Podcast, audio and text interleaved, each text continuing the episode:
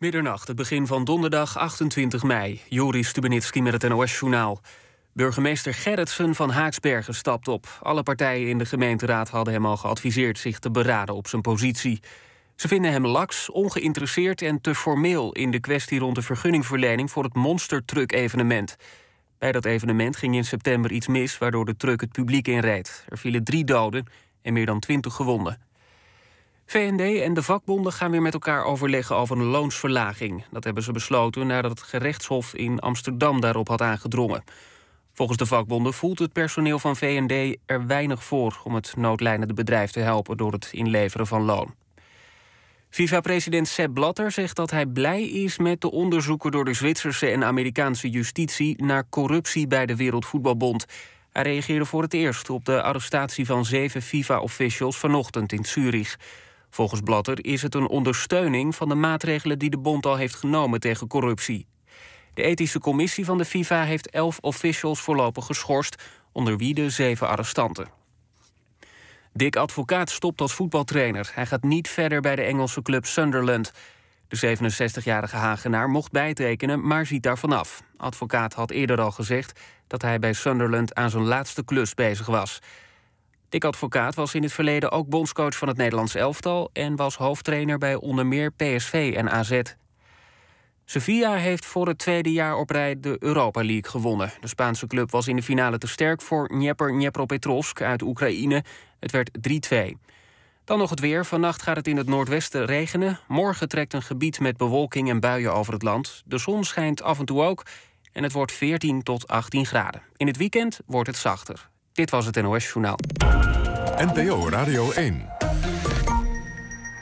VPRO. Nooit meer slapen.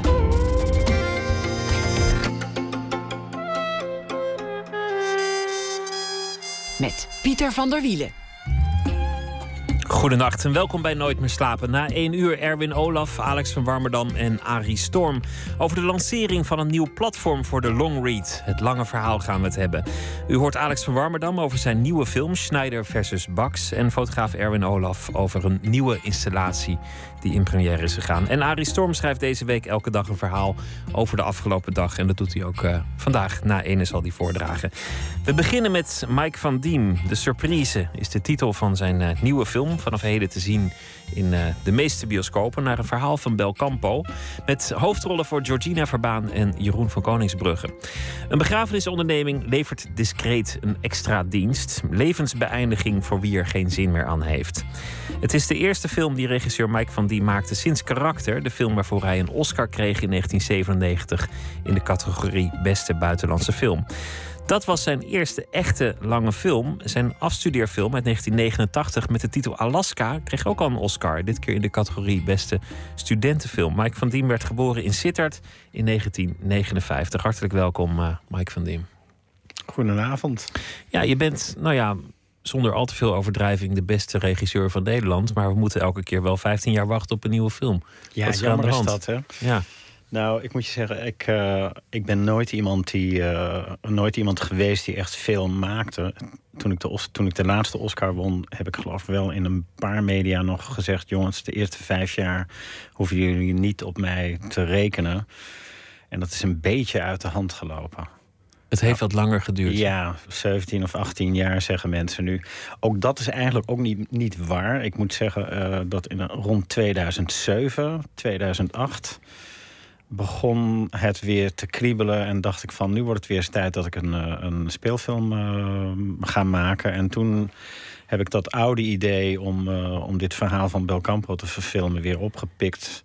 Uh, dus je, dus je bent er al... Mijn, mijn co-schrijver die zei dat wij in de zomer van 2007 heel veel wandelingen hebben gemaakt. En met z'n tweeën al, al wandelende, al, al pratende... dat verhaal, zeg maar, de hoofdstructuur in elkaar heb gezet. Dus eigenlijk ben je uh, met een paar celtochtjes tussendoor... sinds 2007 al bezig met deze film. Ja, het kostte uh, tamelijk veel moeite om van de grond uh, te krijgen. wat dat betreft uh, kan ik ook jonge filmers niet aanraden... om zo lang te wachten met een, met een, met een tweede film. Nee, het was toen al heel duidelijk van, dat, dat veel partijen zei, zeiden van... god, ja, die Mike van Diem die heeft nu 10, 11 jaar geen film meer gemaakt kan die het eigenlijk nog wel? Moeten we daar nog wel geld in steken? Ehm, we hadden de wind niet mee, laat ik het zo zeggen. Je hebt eerst, uh, las ik, geprobeerd om het, om het in Hollywood te doen. Uh, Scarlett Johansson zou in beeld zijn geweest. Nou, dat is een hele lange weg, maar voor we het gaan hebben over alle nou ja, dingen die niet doorgingen, alles wat intussen is gebeurd, is misschien leuker om gewoon met het goede nieuws te beginnen, namelijk de film die, die te zien is en het verhaal van, van Belcampo. Het is in de versie van Belcampo al een prachtig verhaal. Het is namelijk een man die, die eigenlijk alles heeft wat zijn hartje begeert, maar heeft er gewoon geen zin meer in. Hij wil uit het leven stappen en komt dan op een bedrijf die dat, die dat voor je regelen. Als jij, als jij eruit wil stappen, dan, uh, dan is dat mogelijk. Je hebt het, uh, je hebt het wel flink uitgebouwd in de film, viel me op. Het, verhaal van Belcampo is tamelijk eenduidig. Maar er komen heel veel ja, lagen en dingen een, bij. Het is een hele vrije uh, bewerking van Belcampo's verhaal. Wat wel bijzonder is aan het verhaal van Belcampo... hij heeft dus een interview gegeven... waarin hij zijn, de meeste van zijn verhalen vergeleek met eenstemmige muziekstukken. En vervolgens vertelt hij... ik heb één keer in mijn leven een idee gehad voor een meerstemmig muziekstuk. en dat was de surprise. Dat is, dat is dit verhaal. En hij dacht, uh, daar ga ik helemaal geen kort verhaal van maken. Daar ga ik een toneelstuk van maken. En als je dat weet, leest het ook zo. Hij heeft het, uh, hij heeft het uh, als een toneelstuk geschreven. Is er vervolgens mee de markt opgegaan. En liep tegen het probleem op dat het maar een uur duurde. Dus gezelschappen zeiden steeds tegen hem van... ja, dan moet er eigenlijk nog een stuk bij. Dat zag Belcampo dan weer niet zo zitten. En op een of andere manier kwam het maar niet uh, tot een opvoering. En toen zei hij van, nou oké, dan maak ik er toch weer een kort verhaal uh, van. Maar het is heel grappig. Dat, dat, dat, dat, uh, ik moet je zeggen dat ik dit interview met hem... Dat, dat hoorde ik pas lang nadat ik de rechten voor het verhaal al, al gekocht had. Dat hij, dat, dat hij dus zelf zegt van, van al mijn verhalen... is er één verhaal waar volgens mij veel meer in zit. En ook qua, ook qua, setting, want als je een toneelstuk doet, dan moet je het natuurlijk op een beperkt aantal locaties houden. Je kunt niet even de stad in of het restaurant of naar de danssalon. Want ja. dan moet je op het toneel meteen ombouwen. Ja, dus... dat voor, je, voor, voor je gevoel zijn, zijn eigenlijk de, de, is het boek eigenlijk. Het zijn eigenlijk maar drie scènes. Het speelt zich af in de huiskamer van een man die op een gegeven moment denkt: van jongens. Het is mooi geweest. Het is mooi mee. geweest. En die leest een contactadvertentie en die belt op. En in twee tellen staat er al gelijk zo'n begrafenisondernemer voor de, voor, de, voor de deur. Wat dat betreft is het allemaal een beetje science fiction-achtig. Daar sluit hij meteen die deal mee. En vervolgens is het een tijdje later, want uh, hij krijgt dan bij die deal krijgt hij, mag hij nog gratis een kist uitzoeken. Dat is overigens in de film komt dat ook voor. En dan in die kistenruimte raakt hij aan, aan de praat met een. Uh, bevallige dame die zo'nzelfde deal heeft uh, afgesloten. En ter plekke wordt hij daar eigenlijk smoorverliefd op. En ter plekke bedenkt hij van... mijn god, mijn hele leven ben ik nog nooit zo'n vrouw tegengekomen. En die mevrouw vindt dat ook van hem. Wat begrijpen we elkaar toch goed. En dan gaat het lopen, want, want ze hebben al getekend. Ja, en, uh... en, dan, moeten ze, en dan moeten ze er onderuit. En uh, voor mij, jij hebt het onlangs nog gelezen... maar voor mij is ik, de laatste keer dat ik het gelezen heb... dat is... Uh, nou, wat zal dat geweest zijn? Um, 25 jaar geleden, denk ik. Volgens... Ik ga niet het einde van de film verklappen. Dat zou, ja. dat zou een rotstreek zijn. Ik denk dat mensen er gewoon naartoe moeten gaan. Het is, het is een ontzettend vermakelijke film. Het einde van het boek, of van het verhaal, kan ik wel verklappen. Want wie leest er nou nog? Dat is heel wrang. Want uiteindelijk uh, storten ze zich in elkaars armen en liggen ze lekker in bed te slapen. En dan blaast het huis op. Ja, het eindigt met een Ontplofte, Big Bang, ja. Ontplofte ja, boel. Nee, nee, de surprise die, uh, die eindigt anders. En we vertellen inderdaad niet... Uh, niet uh, nee, laten we niet doen. Zullen we ja. luisteren naar de trailer? Als je zeker wist dat morgen je allerlaatste dag op aarde was... van alle dingen die je zou kunnen doen, wat zou je dan kiezen? Ik wil uitstel. I beg your pardon? See, I met someone. Oh dear. Gebeuren de laatste dagen hele vreemde dingen met mij. Misschien was je bang om iets te verliezen. Meneer Verzuilen? Nog naar de koning? Mag ik uw hand vasthouden? Tuurlijk. Ja, Georgina en uh, Jeroen van Koningsbrugge, die, uh, ja, ze worden verliefd, maar ze zitten vast aan de deal. En uh, de onderneming zegt, ja, je hebt getekend en in zo'n bevlieging. Dan gaan ja. we niet de deal ongedaan maken, ben je mal. Je hebt gekozen voor een ja. surprise. Ja. Een levenseinde naar onze keuze. Ja, ze hebben ook bedenktijd uh, gekregen. En uh, het moet wel overwogen zijn. En, ja.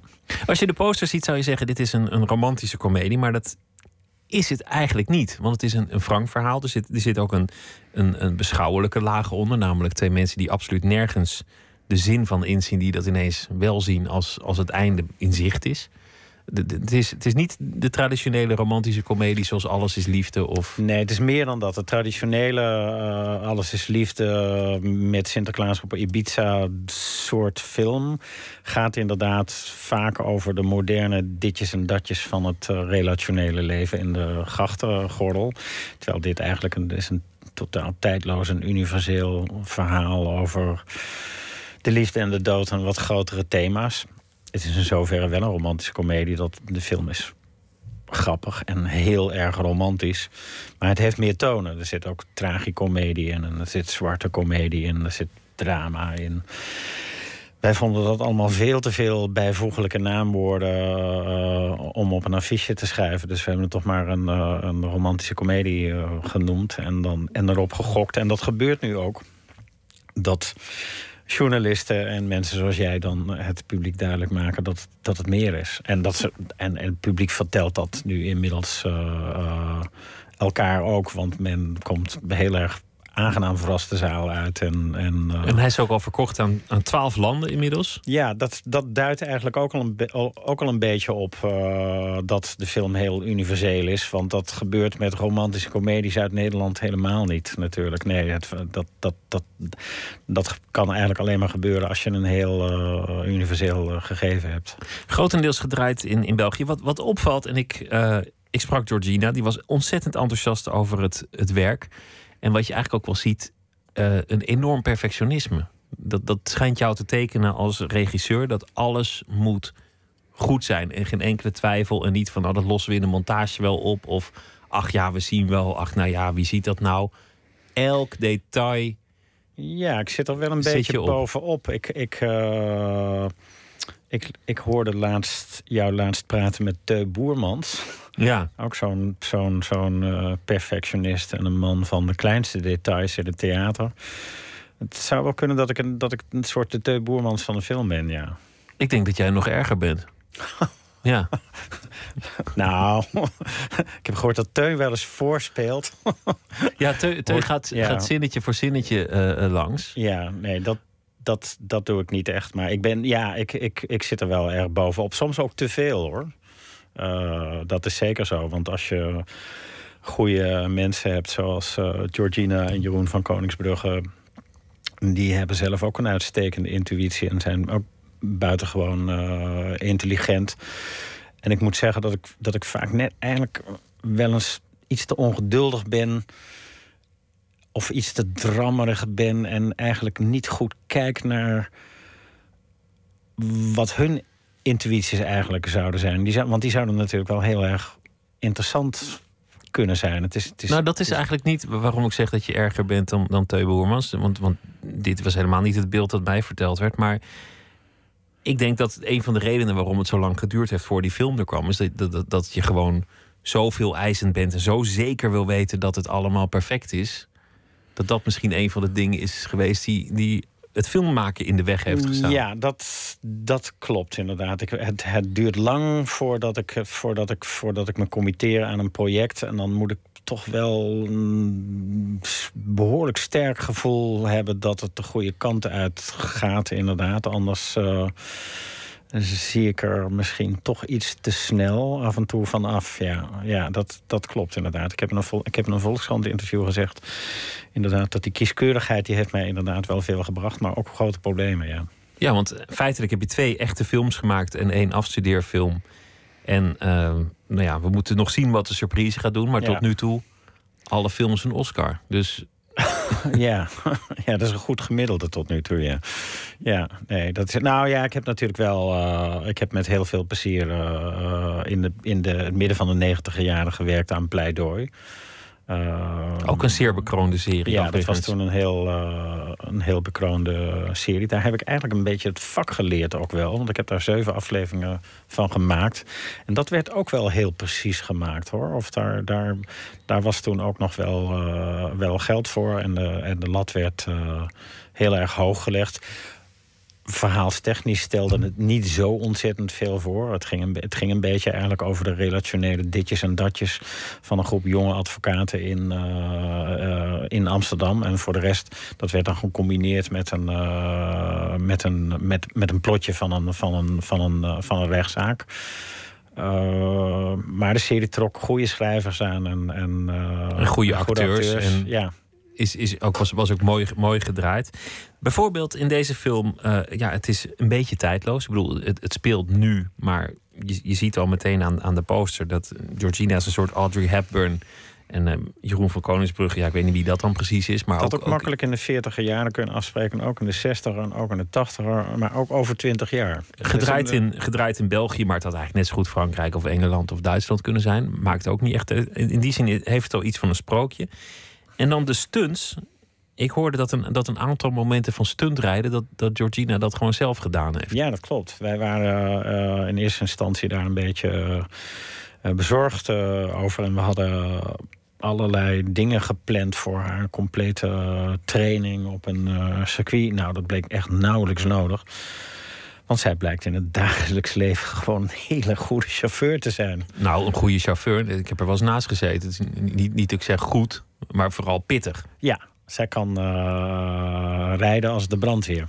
Ja, en, en dan wel de brandweer als er, als er echt, echt iets aan de hand ja, is. Ja, zeker. Maar het ziet er fantastisch uit in die film. Ook de stunts die, die zijn eigenlijk van een, van een niveau zoals je hetzelfde. Ja, ze heeft ons ook meerdere malen uit de problemen uh, gered. Er is op, zit een autoachtervolging in de, in de film. Die speelt zich af in een uh, Range Rover. En op een gegeven moment zit zij achter het stuur van die Range Rover. Want ze, heeft dan, ze is over Jeroen van Koningsbrugge heen geklommen om het stuur te nemen. Nadat ze er uh, hoge hak heeft uitgeschopt. Dat is een hele grappige scène. En dan schiet ze volgas een parkeergarage in. En dan moet ze zo'n helix oprijden. Dat is zo'n ronde opgang op een. Dus sowieso de schrik van alle vrouwen, maar ook veel mannen. Vooral als je een grote auto hebt. Ik en, en, en een Range Rover is een grote auto.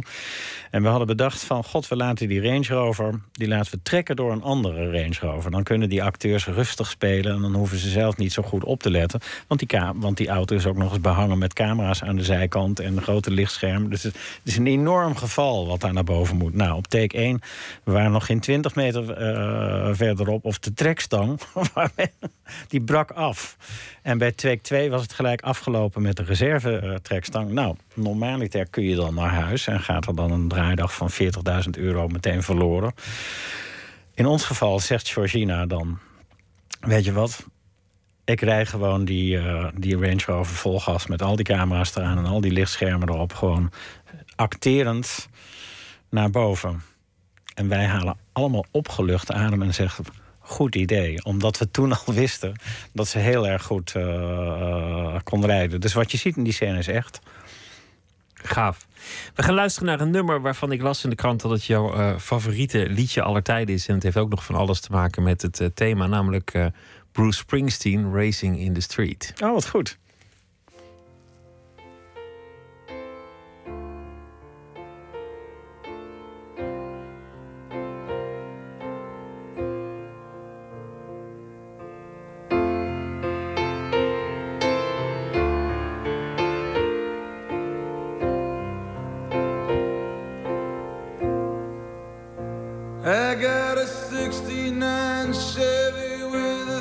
1996, Fuley heads and a hearse on the floor. She's waiting tonight down in the parking lot outside the 7 Eleven store. Me and my partner, Sonny, built her straight out of scratch.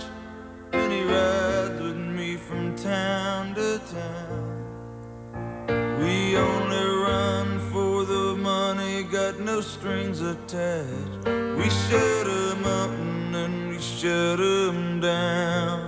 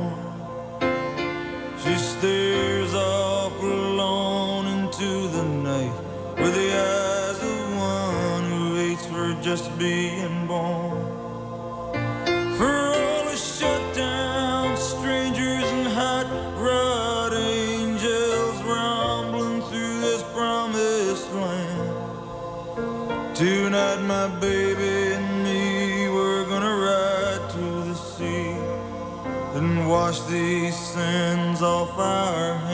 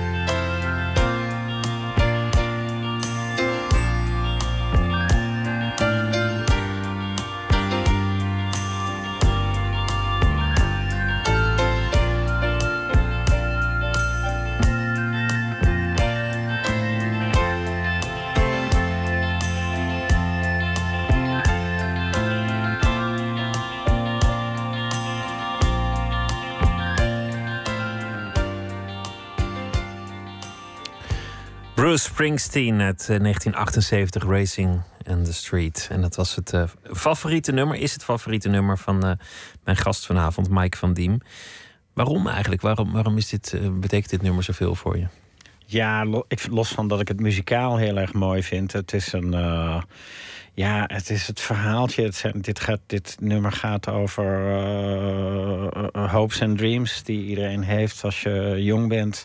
Bijna een film. En dan komt de confrontatie met het echte leven. En dan word je ouder en dan blijkt het allemaal niet uit te komen. En dan probeer je er toch nog maar wat van te maken. Uh, ja, het is een, het is een prachtige um, epische tragedie over het leven. Ja. En, en, en, en, en heel filmisch. Ja, je, ziet, je ziet dit. Uh, je ziet dit helemaal voor je, echt in, in, in prachtig licht. Zoals dat meisje dan uh, op die veranda zit met de tranen in de ogen. En uh, en zwanger, terwijl die jongen weer weg is. Met zijn Camaro, wat natuurlijk een ontzettend uh, gave, maar ook heel erg ordinaire auto is. Ja, ja. nou hij heeft een, heeft een Chevrolet, maar... Hij race tegen ja, een Camaro. Hij race tegen een Camaro en daar heeft hij dan dat meisje eigenlijk als een soort trofee... Uh, heeft hij dat meisje meegenomen. Ja. Geboren in 1959, je groeide op in, in Sittard, in de buurt, als we toch bij films blijven, waar uh, Vlodder is opgenomen. Ja. Zo'n zo beetje Amerikaans-achtige uh, suburb. Een, ja, die werd wel een beetje Amerikaans gemaakt ook door de, door de filmploeg.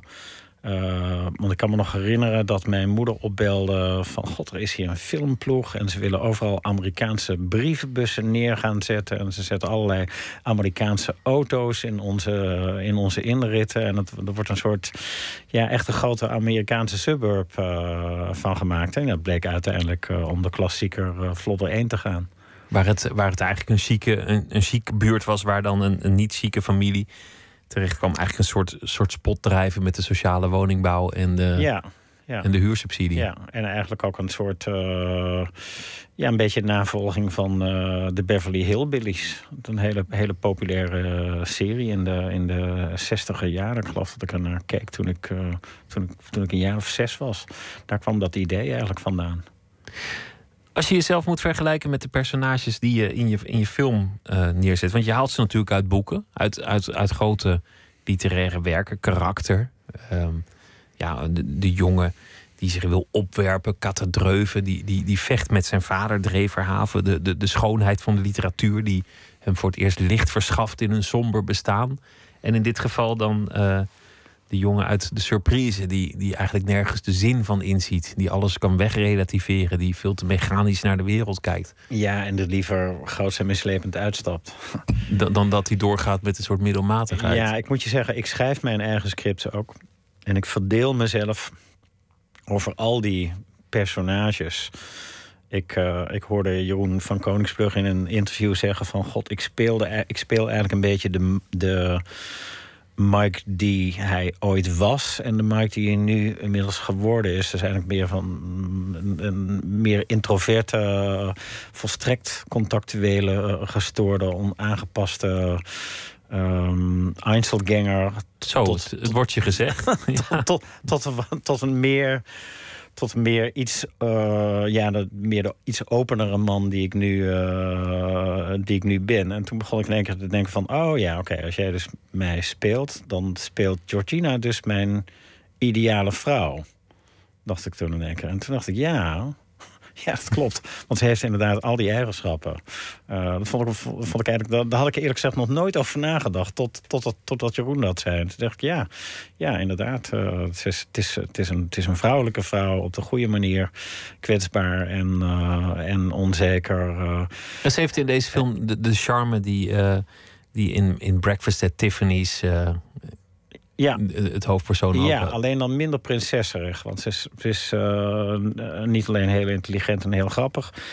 Maar als puntje bij paaltje komt ook verschrikkelijk stoer. En, uh, en echt, een, echt, een, echt een, een, een stoer wijf waar je de oorlog mee kunt uh, winnen... als, het, als je in een, in een benauwde situatie terechtkomt. Maar dan was jij dus in de oude situatie een, nou ja, contactgestoorde, op zichzelf gerichte, et cetera. Al die kwalificaties die je net noemde. En dan was er volgens Jeroen van Koningsbrug, en die kent jou volgens mij best goed. Ja, ik heb mij vrij lang. Het duurde, het duurde zo lang om deze film te maken dat we van, uh, van puur ellende zijn we maar vrienden geworden. Maar goed, hij kent je dus en ehm, hij ziet een enorme verandering. En hij pinde die verandering ook vast aan één moment. Namelijk de, de uitreiking van de Oscar. Je zit in die zaal, dat is natuurlijk een ontzettend spannende eh, gebeurtenis. Dan komt Sharon Stone naar voren en die zegt dat jij hebt gewonnen. En ik heb hier een fragment van wat er toen gebeurde. Ik heb er wel een beetje in geknipt. And the Oscar goes to the Netherlands for character. Ah. Okay, Sharon, it's it's just, you know, another crazy Dutch director. You know him. Uh, uh, the film is character. Uh, it opens next Friday. I'm not going to advertise it. This ought to tell you. This ought to tell you that it probably has, you know, like damn stunning subtitles. Uh, Je was zichtbaar verbaasd, overrompeld. Je stond te dansen van vreugde. Ja, buitenzinnig van vreugde inderdaad. eh. En heel grappig, dit had je duidelijk niet voorbereid. Maar om dan, om dan aan te prijzen van... Nou, Nou, ja, ik had niet lang voorbereid. Ik moet je eerlijk gezegd eh, zeggen dat eh, wij waren geloof ik na drie kwartier aan de beurt. Eh, de openingsact van eh, Billy Crystal, die was zo goed... dat ik echt even tien minuten vergat wat ik daar überhaupt kwam doen. Maar na die tien minuten, tussen die tien minuten en dat wij aan de buurt kwamen... heb ik wel op een, op een klein kartonnetje wat ik mee had genomen... of zo'n systeemkaartje even een speech eh, in elkaar uh, voor het geval dat, want je wist nog niet dat het ging gebeuren. Nee, ik, ik durfde het niet ehm, zeker te weten eigenlijk. En ik moet je zeggen, achteraf ehm, was karakter de absolute eh, favoriet. En is, is dat een, eh, zoals de Amerikaanse Amerikanen noemen, een landslide victory geweest. Maar goed, dat weet je van tevoren niet. Maar even terug naar waar we waren. Jeroen van Koningsbrugge ziet dat als een groot moment van verandering in jouw personage. Waar die jou eerst in de, in de oude situatie speelde. Iemand een beetje opgesloten, kan niet van het leven genieten.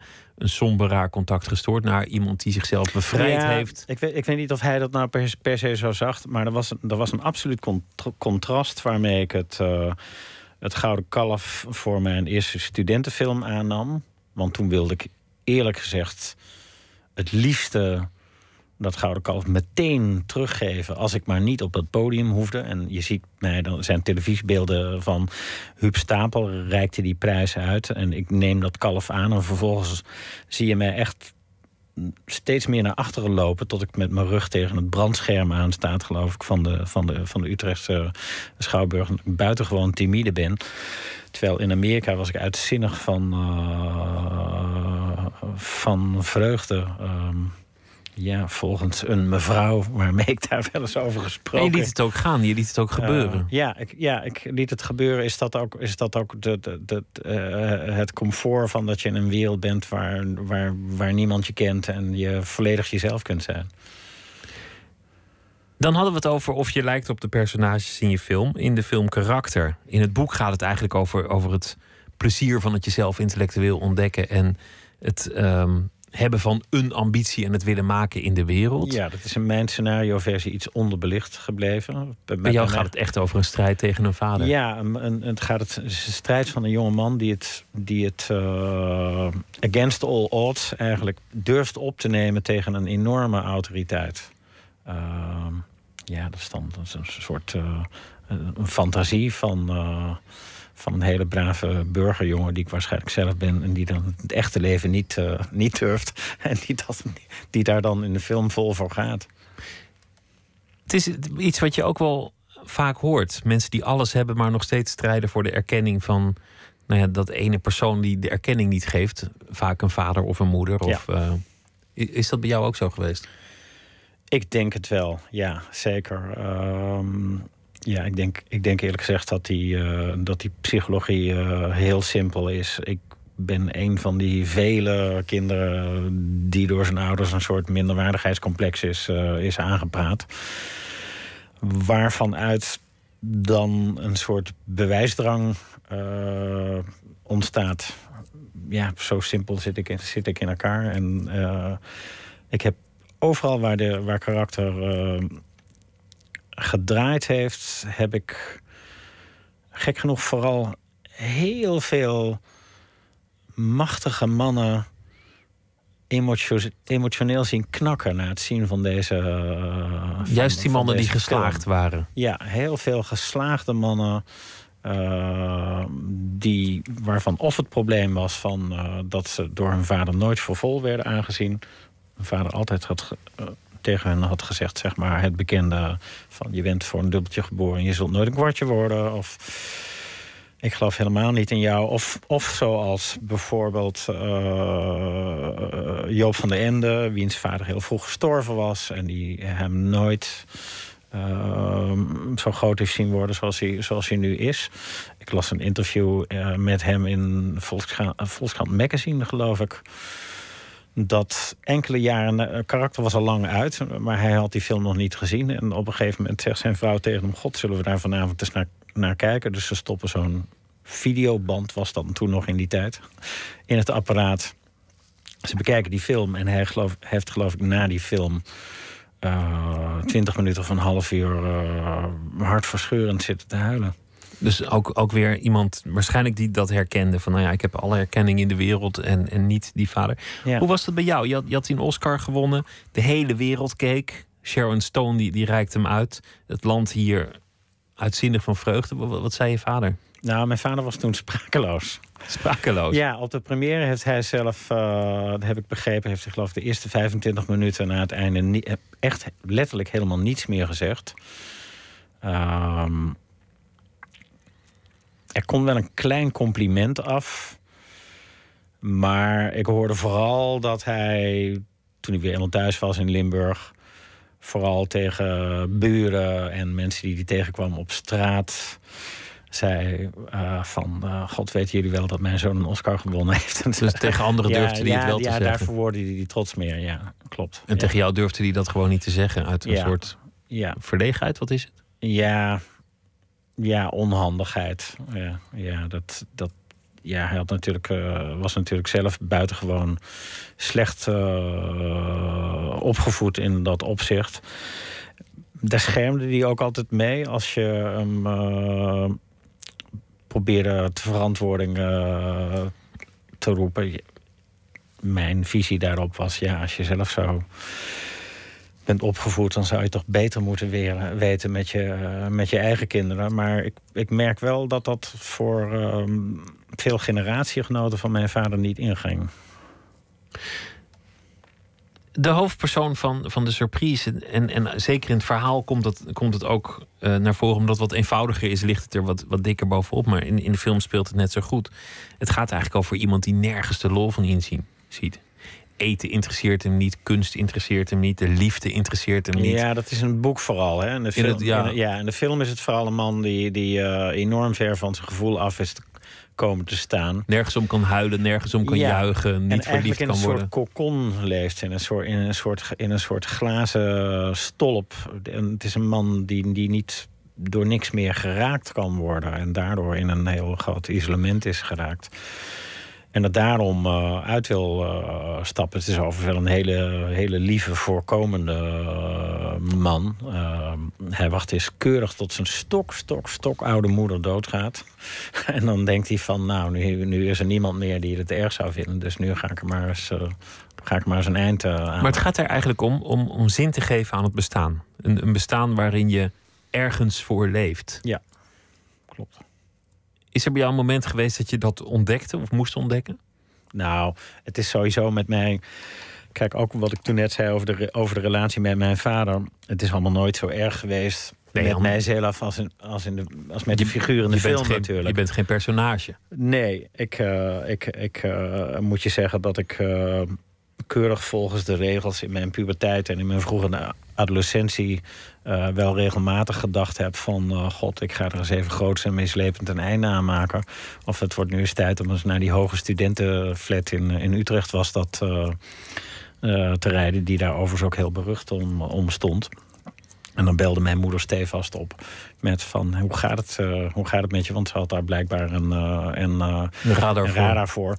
Maar echt serieus te nemen ehm, is, dat, is dat niet helemaal. Maar ja, god ja, ik kan het me wel. eh, ik kon het me wel voldoende voorstellen, zeg maar, om deze film te kunnen schrijven. Maar je zou ook het, het andersom bedoel, los van of je, of je springt van een studentenflat of niet.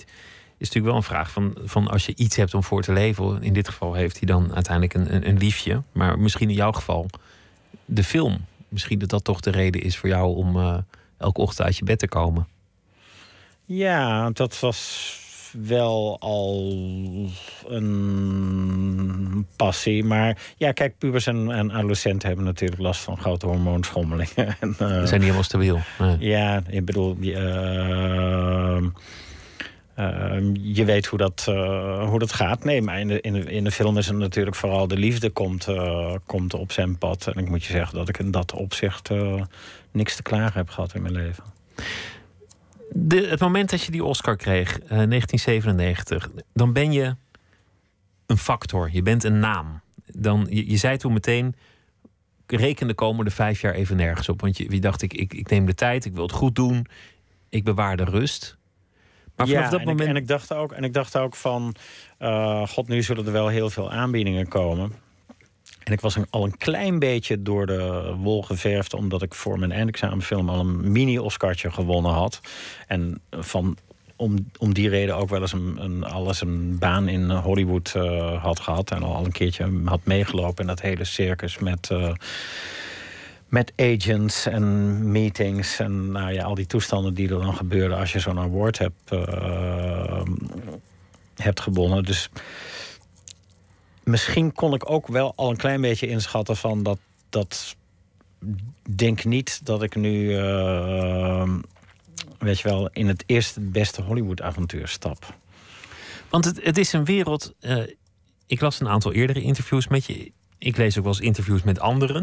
Het is een wereld waar ik eigenlijk vrij moeilijk vat op krijg. Die, die moeilijk te begrijpen is. Een, producer, een studio wil een film gaan maken. Die hebben een idee. Uh, dit, dit verhaal lijkt ons wat. Dan is, dan is er een geldschieter of, of er is geld. En dan, dan moeten ze namen aan zich binden. Een regisseur, een acteur. Ja. Uh, ja, dan moet er een package komen, zoals de Amerikanen zeggen. En dat is, dat, dus, dus, dan moet er een pakketje acteurs en een, en een, en een, uh, en een regisseur en soms ook nog een scenario schrijver waarvan je denkt dat zijn lekkere klinkende namen, daar kan ik de films op financieren. Maar die, die kijken ook naar elkaar. Dus, dus als je ja. uh, Steven Spielberg hebt, dan, dan zou je een acteur krijgen. En als je een acteur hebt, dan zou je een regisseur krijgen. Dus, dus iedereen wacht op elkaar. Ja, en iedereen maakt ook een beetje gebruik van elkaar. En dat wekt natuurlijk ook veel wantrouwen. Het is niet zo als je een Oscar wint dat mensen dan specifiek in jou zijn geïnteresseerd of in jouw manier van film maken. Nee, dat, op dat moment ben je gewoon een bankable uh, factor. En ja, dan ben je gewoon een pluspunt waar mensen. Ze hebben je naam nodig. Maken. Ja, ze hebben, je, ze, hebben je, ze hebben je naam nodig. Ja, dat is een heel een, een formeel iets. En dat moet je uh, wel kunnen onderscheiden van, van, van echte, echte aandacht. Want je wordt dus dan voortdurend het hof gemaakt. Uh, maar het is vrijwel het? altijd om hele opportunistische redenen. Maar hoe gaat dat? Een, een, het hof maken kan ik me iets bij voorstellen. Een etentje, een, een, een, een drankje, uh, wat complimentjes.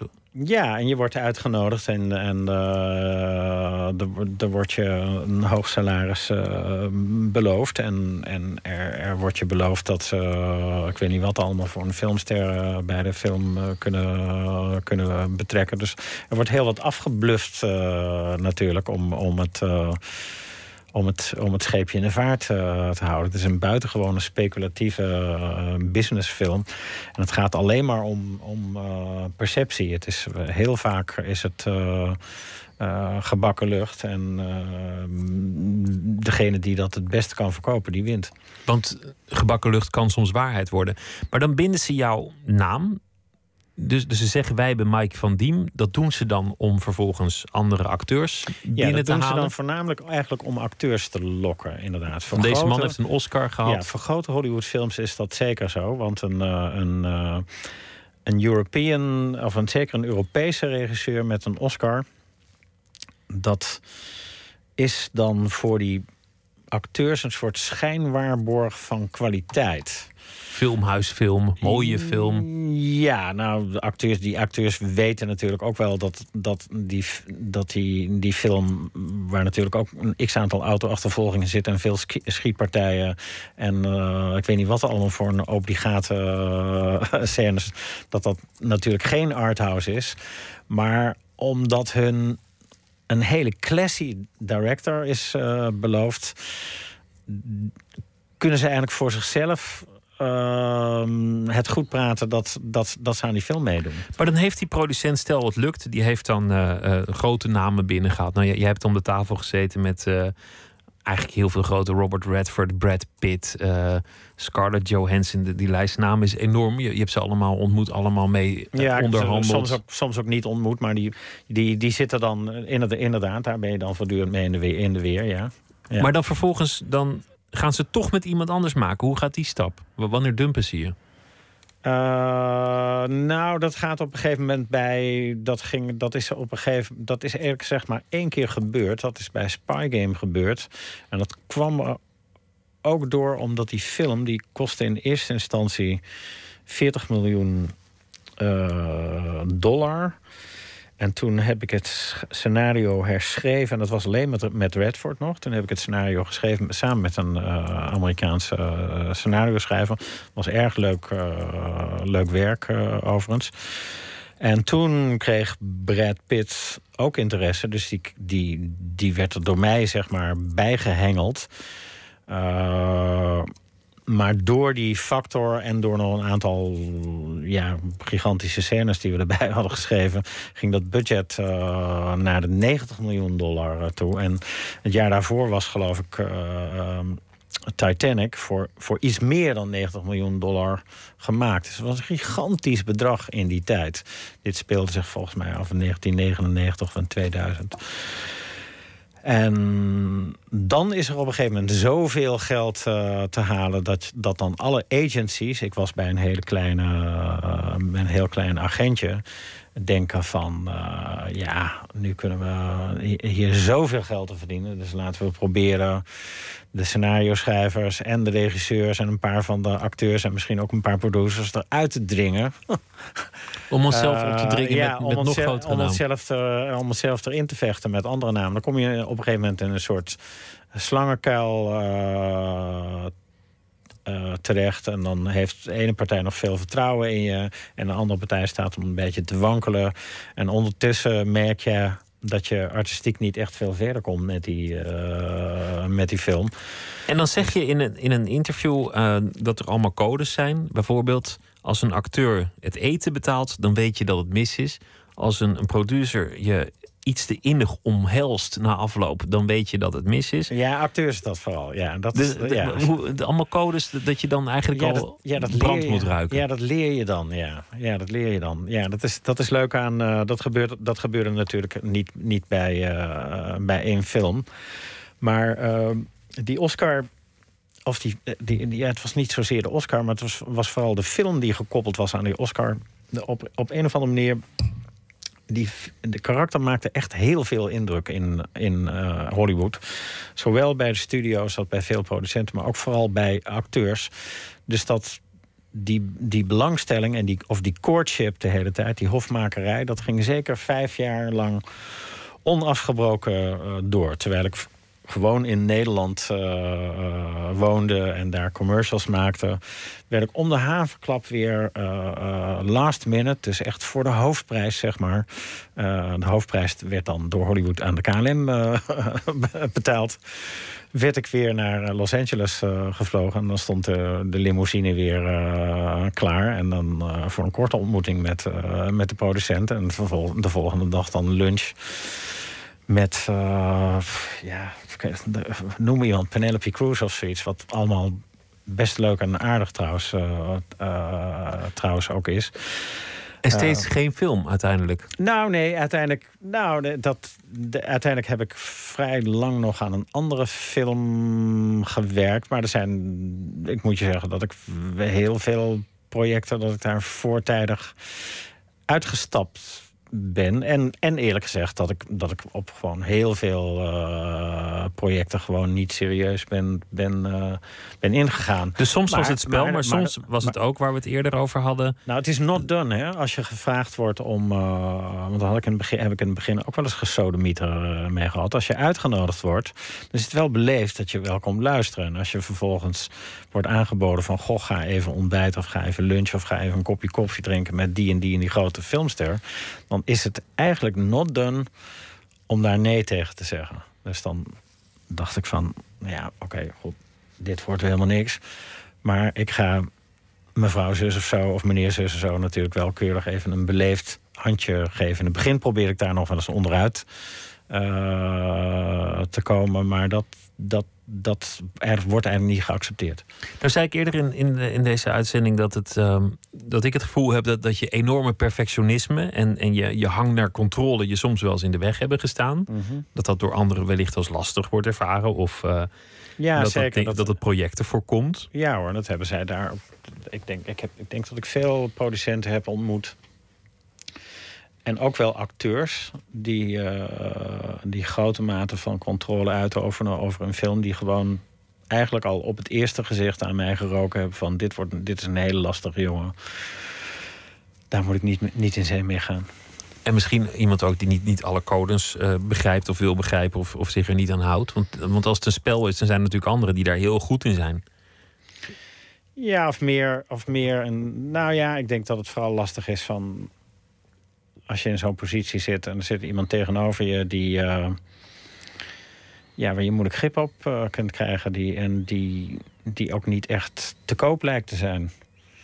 Ja, de hele slimme mensen die denken dan van... oké, ja, weet je wat, wij gaan hier met die man in zee. Je wil iemand kennen, je wil iemand begrijpen, je wil de taal spreken... en dan komt hij ook nog uit Nederland en, en is misschien moeilijk... en dan houdt zich net niet aan, aan de codes. Is het voor jou een leerzame periode geweest? Of kijk je er toch op terug met, met, met een soort... nou ja, misschien wel wrok of teleurstelling? Nou, nee, er zijn, er zijn heel weinig dingen. Als ik, eigenlijk als ik de film terugdraai... dan zijn eigenlijk ook over die paar dingen, en dat zijn er maar heel weinig, waar ik, waar ik achteraf wel een beetje spijt van gehad heb. Dan denk ik, als ik de film helemaal weer terugspeel, had ik waarschijnlijk allemaal dezelfde beslissingen wel genomen. Uh, ja, ik heb er ook dingen bij geleerd. Ja, zeker. Ja. Een van de dingen die ik bijvoorbeeld geleerd heb. Dat als je een project aangeboden wordt wat je in principe wel ziet zitten, waar je, waar je een persoonlijke klik mee hebt.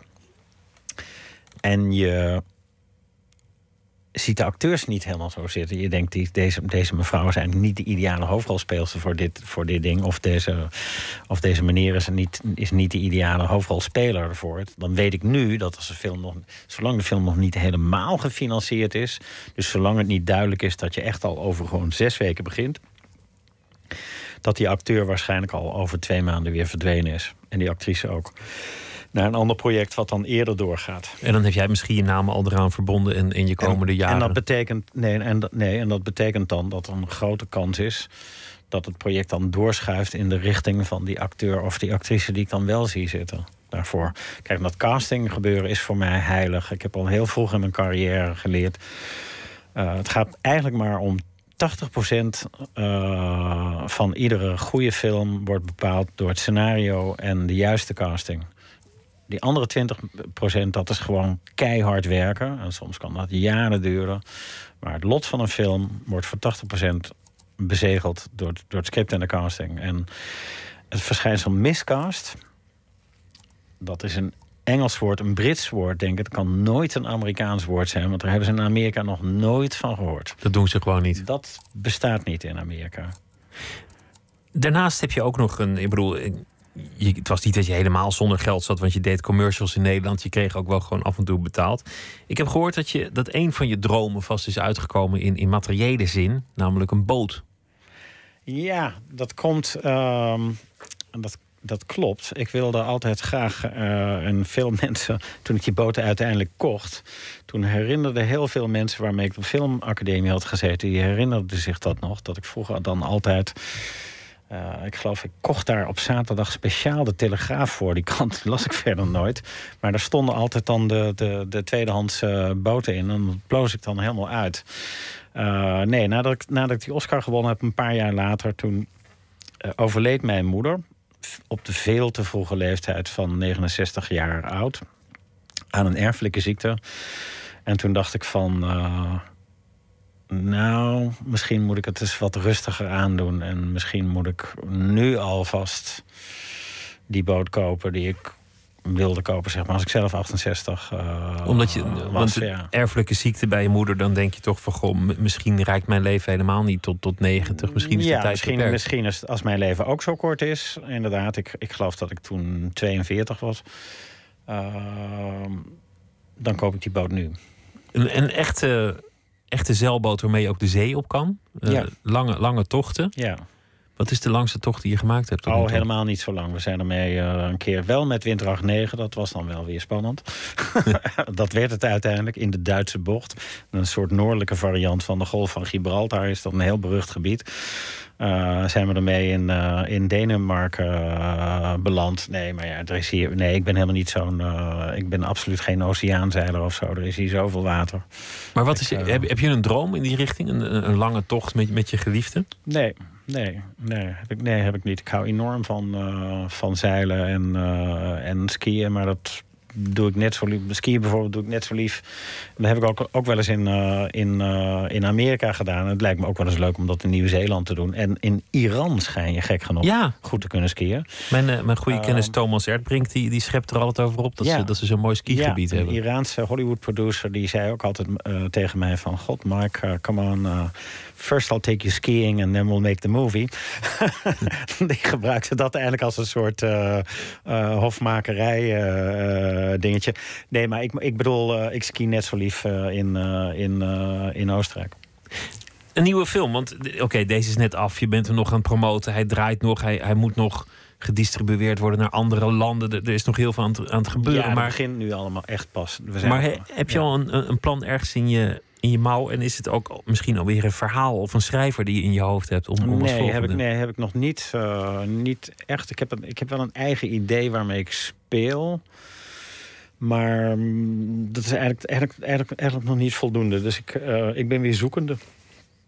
En gaat het, gaat het weer lang duren? Of, of heb je daar... Ja, het gaat zeker lang duren. Het gaat zeker vijf jaar lang duren. Echt, wie zegt dat nu al? Maar ik hoop niet langer. Ik hoop niet langer, ja. Nou ja, mezelf kennende kijk, ik schrijf die verhalen ook zelf. Hè. Ik weet heel veel mensen die zien mij als, uh, als, als filmregisseur. Maar ik voel me. Net zo goed scriptschrijver. Ja, minstens zo, uh, zo belangrijk. Uh, ik, ik, ja, ik ben echt een scenario schrijver. Dus ik moet, dat, ik, moet dat, ik moet de materie vinden. En dan ga ik, moet ik dat verhaal eerst eens in elkaar zetten. En dan moet ik het uit gaan schrijven. En ja, we zijn wel even bezig. Ja, in, in dit geval is dat zeer, uh, zeker als je, als je het verhaal kent en dan de film ziet, is, zijn er zoveel lagen bijgekomen en wendingen die Belcampo eigenlijk alleen maar zachtjes aanraakt. Die zijn helemaal uitgeplozen tot ja, een, tot een verhaal. Het, het, is altijd, alles wat ik schrijf, is, dat wat karakter ook als dat een hele vrije bewerking.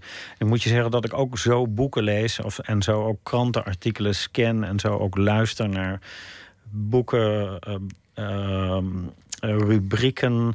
Ik neem het meestal niet zo letterlijk. Ik probeer eigenlijk het achterliggende idee te zien of te kijken of er iets is. Kan soms, soms heb ik ook aan een scène genoeg. Ik geloof dat ik in karakter werd ik in eerste instantie alleen maar door één heel klein moment getriggerd. En dat is het moment in het boek dat Katta Dreuven voor het eerst zijn, uh, zijn vader uh, Dreverhaven ziet in dat grote advocatenkantoor.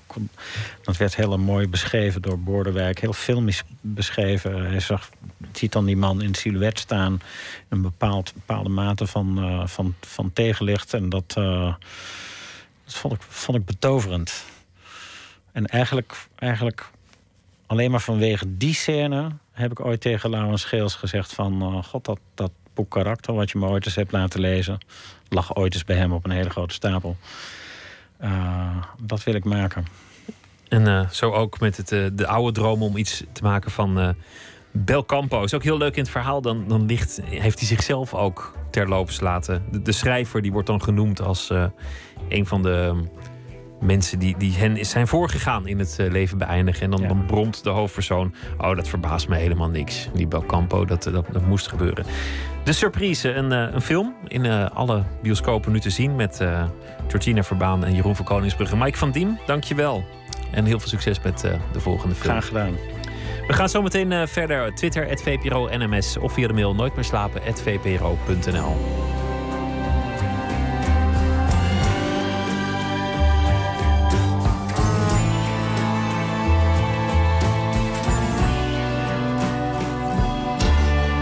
Radio 1, het nieuws van alle kanten.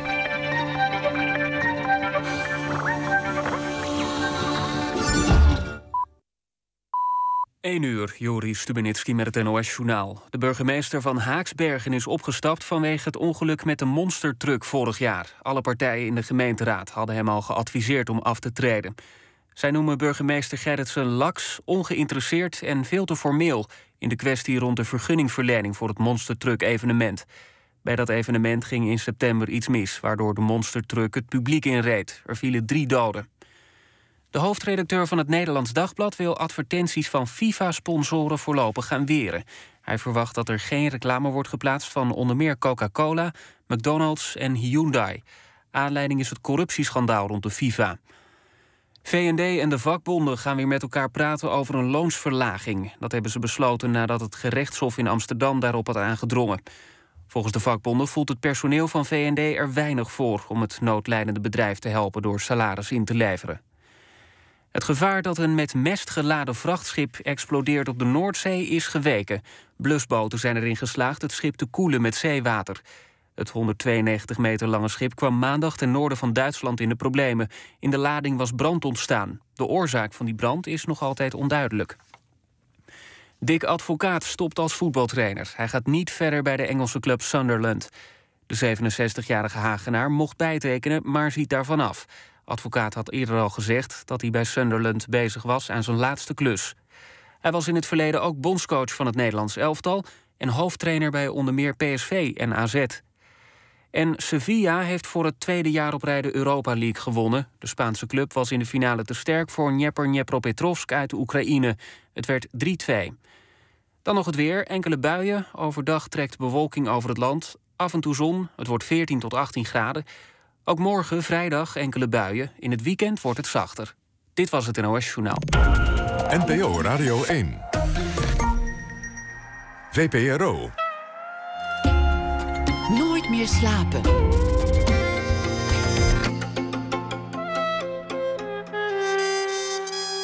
Met Pieter van der Wielen. Straks Alex van Warmerdam over zijn nieuwe film Schneider versus Bax. En een gesprek met Erwin Olaf over zijn nieuwe foto- en filminstallatie Wading. Te zien in het Museum Arnhem.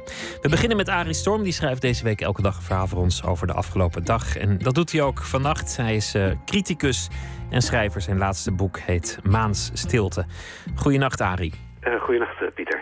Wat voor dag was het vandaag? Ja, ja, ik had een etentje van een iemand die gepromoveerd is, Jaap Cohen. Oh, die komt, uh, die komt binnenkort in dit programma, volgende week zelfs. Oh, wat leuk, ja. De onontkoombare afkomst van Eli de Oliveira. Zo zijn boek. Ja, dat, uh, ja. dat is zijn uh, dissertatie en hij is, hij is historicus. Ja, ja, maar goed, daar ga ik het niet over hebben. Ehm, er was iets anders wat vandaag mijn, mijn aandacht trok. En dat heeft te maken met wat ons de komende maand te wachten staat. En wat is dat? Dat is de maand van het spannende boek. Oh, een hele maand, joh? Hele maand, ja. Maar ik, uh, uh, misschien is het handig als ik het eerst voorlees. Oké, okay, ga je gang. En dan, uh, dan kan jij daar zo je vragen bij stellen als je die hebt. Ehm, het stukje heet Ziel. Z-I-E-L, Ziel. Ik heb een enorme hekel aan thrillers. Aan spannende boeken dus. Ik heb ook een hekel aan de CPMB. En aan alle acties van deze stichting. Komende maand, juni, kan ik mijn lol op, want dan organiseert de CPMB de maand van het spannende boek. Maand, spannende en boek, dat wordt allemaal met hoofdletters geschreven, zie ik op de website van de CPMB, waar ook nog eens wordt meegedeeld dat de maand van 29 mei tot en met 30 juni wordt gehouden en dat die start met de avond, ook met een hoofdletter, van het spannende boek op 28 mei 2015. Zo worden er zomaar vier dagen bij de maand juni gesmokkeld. De gewone boekenweek weten ze ook nooit echt in een week af te handelen. In de periode van het spannende boek is er altijd iemand die duidelijk probeert te maken dat de thriller niet onderdoet voor de literaire roman. Deze keer tettert Thomas Ros een eind weg. Waarom toch die minachting voor het spannende boek, is de kop boven zijn stuk in Elsevier van de komende week. Ik ben inmiddels al lang de enige persoon die ik ken die het spannende boek minacht, maar Ros weet meer. Hij heeft het over de literatuurpolitie en het literaire wereldje, allebei weer met een hoofdletter. Ros schrijft een spannend verhaal waarin het vooral om een plot en veel minder om stijl, karakters en zielenroerselen draait, kan niet goed zijn in de ogen van de literatuurpolitie. Thuis hebben wij het, als we het over fictie hebben, altijd over personages en niet over karakters. Maar let vooral eens op dat minachtende woord zielenroerselen. We zijn bij de kern van de zaak beland. In zogenaamd spannende boeken wordt neergekeken op de ziel. Ros noemt John le Carré als voorbeeld van een thrillerschrijver die eigenlijk literatuur schrijft. John le Carré schrijft inderdaad beslist aardig, zeker als je hem vergelijkt met iemand als Saskia Noord. Maar hij schrijft ook altijd vlak. Zijn thrillers zijn slim in elkaar gezette doodskisten vol dode conventies, zoals de literatuurcriticus James Wood dat heeft genoemd. Er zit geen ziel in. Laat staan dat er in die ziel wordt geroerd. Dat gebeurt alleen in literatuur. Roeren in de ziel. In het werk van Saul Bellow bijvoorbeeld. Gelukkig is er voor hem geen maand. Voor Saul Bellow bedoel ik. We lezen gewoon zijn boeken. Of niet soms. Juist. Je bent uh, weg met de maand voor het spannende boek wat jou betreft. Nou, ben jij ook, denk ik, dan misschien toch wel de, de literatuurpolitie waar hierop gedoeld wordt? Ja, ja. Dat, dat zal jij dan wel zijn, toch? Dat vrees ik ook, ja. ja. ja. als dat soort termen vallen als literatuurpolitie en het literaire wereldje en ook met, uh, met hoofdletters. Ja, dan hebben ze het over jou, ja. Ja, dan, dan kom je bij mij uit, ja. Maar aan de andere kant, ja, je kan ook zeggen, uh, en misschien maak ik me er vanaf voor, maar laat duizend bloemen bloeien. Ik bedoel, als, als er mensen plezier aan een detective uh, beleven, laat ze toch lekker. Nee, nee, daar heb ik helemaal niets tegen. En ik zat even in mijn boekenkast te kijken van, uh, of ik zelf ook detectives of thrillers daarin heb staan. Ik bewonder Patricia Highsmith heel erg, een Amerikaanse thrillerschrijfster, psychologische thrillerschrijfster.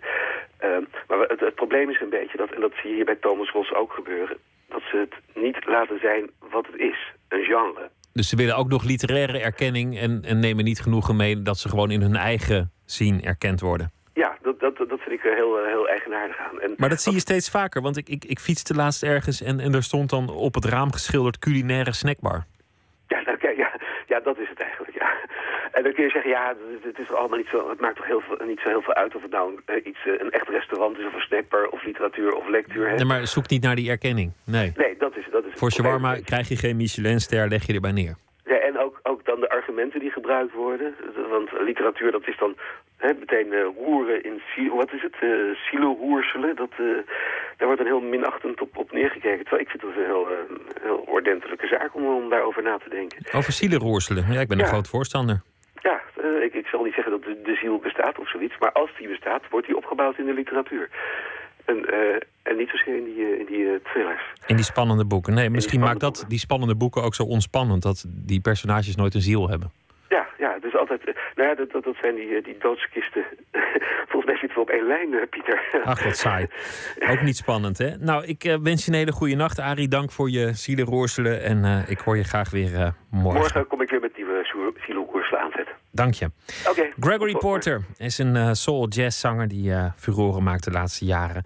We gaan luisteren naar een nummer met de titel Our Love.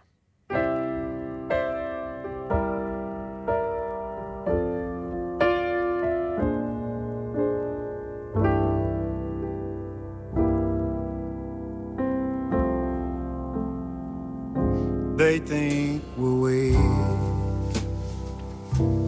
you're the reflection of my love. We're incomplete, but you're the direction of my love. Vultures are flying round the ramparts of the towers of our love. Don't it sound sweet? Our love, how did we meet? This is the question of our love. they pray defeat. Petty pallbearers of our love, forces of hate have stormed the gates around the castles of our love. Don't it sound sweet? Our They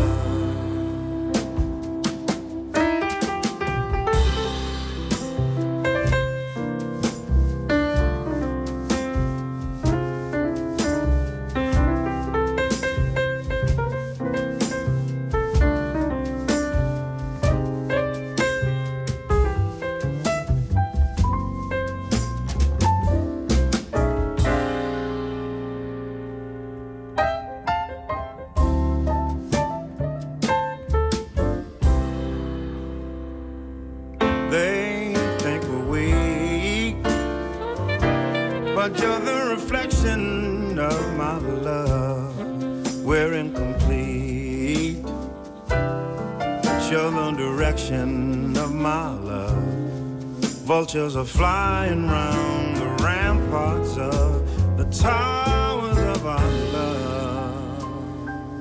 Don't it sound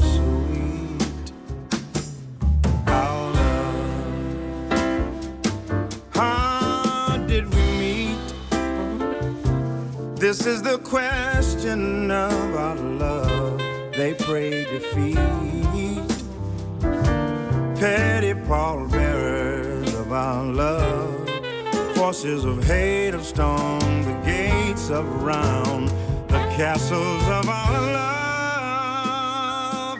Don't it sound sweet? Our love, and whoa, don't it sound sweet? Our love, and whoa, don't it sound sweet? Our love, can't you hear it when I say?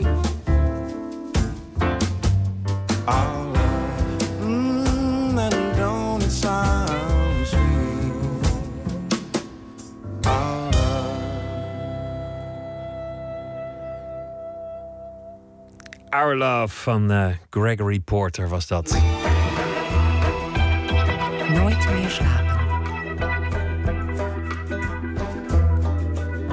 Houdt er nog steeds zijn eh, eigen universum op na. Ergens tussen het sprookjesachtige en het absurde in. Van, het, eh, van de film Abel tot het wat duistere Borgman. Twee van zijn vorige films. Eh, jaren geleden voor Kans. Alex van Warmerdam die, heeft zijn eigen stijl te pakken. De nieuwe film heet Schneider versus Bax. En het is letterlijk een lichte film. Waarin een huurmoordenaar het opneemt tegen een schrijver. Maar natuurlijk, alles loopt weer heel anders dan gedacht. Verslaggever Floortje Smit spreekt met Alex van Warmerdam. Ja, Snijder? Schneider, luister, er is een probleem. Kan het niet morgen? Nee. Het is zo belangrijk. Ja. Wie is het? Ramon Bax, een schrijver. Hier zit hij, aan de rand van dit meer, in een houten huis. Hij is alleen. Kan het huis het best van de landzijde naderen. Als het een beetje mis is, ben je rond het middaguur weer thuis. Maar natuurlijk zit het huurmoordenaar Snyder helemaal niet mee in Snyder versus Bax. De nieuwste film van Alex van Warmerdam. Het is een comedy of errors, hè. verspelde en vergissingen is het. Steeds is er weer een obstakel of een toevalligheid of een misverstand. Wat de boel compliceert, vertraagt, ophoudt. eh, ja, dat, dat, dat, dat is het spel, dat is de film, daar, daar, daar gaat het over eigenlijk. Je zei dat hij alleen was. Hij is niet alleen, hij is met een huilende vrouw. Luister, en val me niet in de reden. Er is iets fout gegaan. Wat? Je hebt me verstaan. Ja, ik weet het. Heel dom. Ik heb een aantal interviews met je gelezen ten tijde van, eh, van Borgman. En toen zei je, ik ga een film maken over een huurmoordenaar... waarbij geen enkele dode valt. Dat is dan wel mislukt. Zo oud gezegd. Ja, Nou, dat was een overweging. Dat, ja, dat, het is soms fijn om, om je een beperking op te leggen. Of om, om niet dat te doen wat, je, wat het idee eigenlijk doet verwachten. Eh, het had gekund, maar het interesseerde me niet. Ik wou schieten. En met geweren. En er moet ook af en toe iemand dood. Daar had ik gewoon zin in. Dus op die gronden heb ik dat snel laten varen. waarom had je daar zin in? Nou, dat is toch het. Ja, da- da- ja, En, en een huurmoordenaar, en een geweer. En, nou ja, goed, ik, ik kan niet alles verklappen natuurlijk. Dus er duiken meerdere geweren op. Om die dan ongebruikt te laten, daar had ik gewoon ja, het is heel simpel geen zin in. Dat was het eigenlijk. Jij kwam me toch met één duim dooddrukken? Ja of nee? Ja. Ik wilde ook weinig dialoog. Een paar lekkere dialogen om, om de boel op ga- in gang te zetten. Maar verder is het eh, karig. Eh, Dat zijn misschien vier A4'tjes bij elkaar. Bijvoorbeeld motief is er ook niet. Dat- is er waarschijnlijk, dat is er wel. Want waarom zouden ze anders zo hun best doen... om het een en ander voor elkaar te krijgen? Maar daar wou ik ook eigenlijk geen woorden aan besteden. Want het is allemaal dialoog, allemaal pratende hoofden... die dan... Ik bedoel, eh, het is al erg genoeg dat eh Mettens één keer heel goed iets uit moet leggen. Het liefst wil ik dat al die dingen eigenlijk eh probeer zoveel mogelijk te vermijden. Dat het alleen maar zo, zo lang mogelijk visueel kan blijven. Mag je niet zijn, mevrouw. Dit is beschermd gebied. U moet terug op...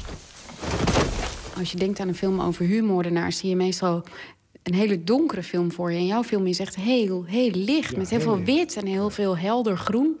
Dat was het idee. Zo licht mogelijk.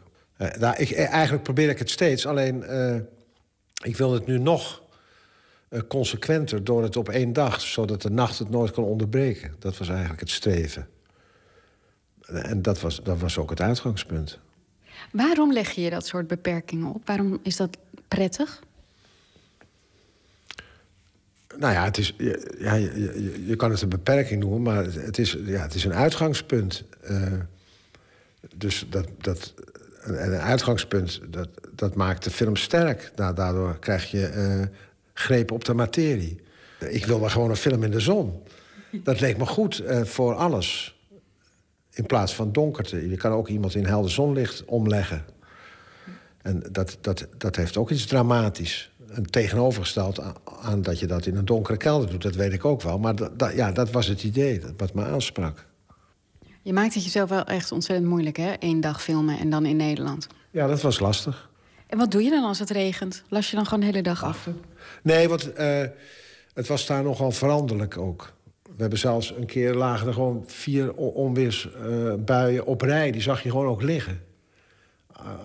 Als, als, een, als een groepje van vier. En, dan- en dan kwam er zo'n wolk, die barstte los met onweer, bliksem, alles erop en aan. Dan was alles nat, moesten die stijgen met feunen, weer droog gaan. En dan hadden we, hadden we een half uur om weer... En dan kwam de zon ook weer tevoorschijn en dan kwam de volgende. Dat was echt eh, heel bizar. Heel, heel mathematisch was dat. En verder hebben we veel geluk gehad ook. En, je- en we konden naar binnen. En dan met, met licht werken. Francisca! Veel van Snyder versus Bak speelt zich af in een fantastische bungalow aan het water. Omgeven door eindeloos wuivend riet... waar zijn hoofdpersonen steeds maar doorheen moeten ploeteren. Ja, ik, mijn films spelen zich meestal af in, in, in een eh, omgeving die ik ken of die ik heb gekend. Of... Dus eh, Riet was aan de beurt, zal ik maar zeggen. Francisca! En wij, hadden, eh, wij woonden in Haarlem en mijn vader kwam uit Spaarndam. En dan heb je de mooie Nel. En dan had mijn vader een landje en daar lag zijn bootje. En eh, nou ja, dat is allemaal riet. Dus eh, er zijn ook 8 mm films dat ik één jaar word eh, daar. En, het is, en ook nog met wind. Dus alleen maar wuivend riet, waar je ook kijkt. Ja, die geur, eh, die geluiden, dat is... Ja, Hoe kwam je aan dit huis? nee, wacht. Ja, dat kunnen, kunnen de luisteraars niet zien. Een maquette van de bungalow. Dit was eh, eh, eh, versie 1. eh, met nog een onderbreking in het dak. Maar heel veel ramen aan de, aan de meerzijde. En dat vond ik toch uiteindelijk beperkend... omdat Bax ook eh, beschutting moet hebben. En toen heb ik deze gemaakt. Met het dak zonder onderbreking.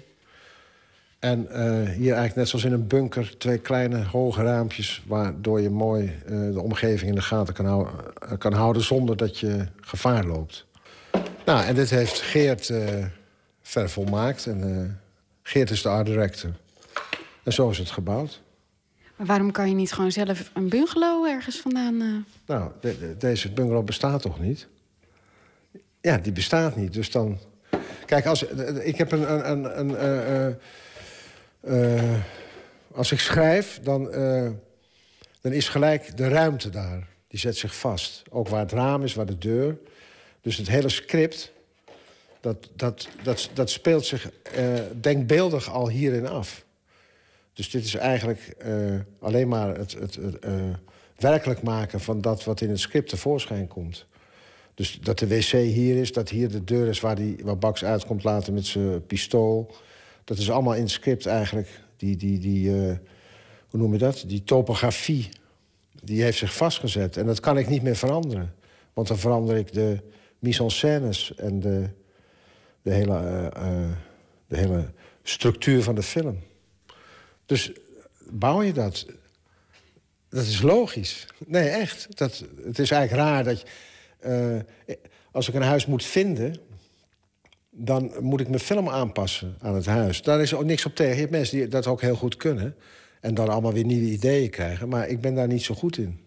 Maar het grappige is dat volgens mij de meeste Nederlandse filmregisseurs juist types zijn van we passen ons wel aan, we passen ons aan aan het weer, we passen ons aan aan de omstandigheden. Ja, het lijkt eigenlijk bijna wel het tegenovergestelde. Ja, vaak wel. Ja, ja maar het, het is hier uh, ongewoon. Men, uh, ik heb er ook wel, uh, nu niet meer, bij het Filmfonds wel in het verleden vaak discussies over gehad. Waarom dat dan moest. Ik vind het een hele stomme vraag, eerlijk gezegd. Ook heel irritant. Want ja, als je een beetje van film. De film is begonnen zo. En in, in Hollywood doen ze niets anders. Als je uh, toneel maakt, dan verzin je toch ook je eigen beeld. Ik bedoel, het beeld, dat, dat is de film. Dus ja, ik, ik word er soms zelfs sprakeloos van, van het onbegrip daarover.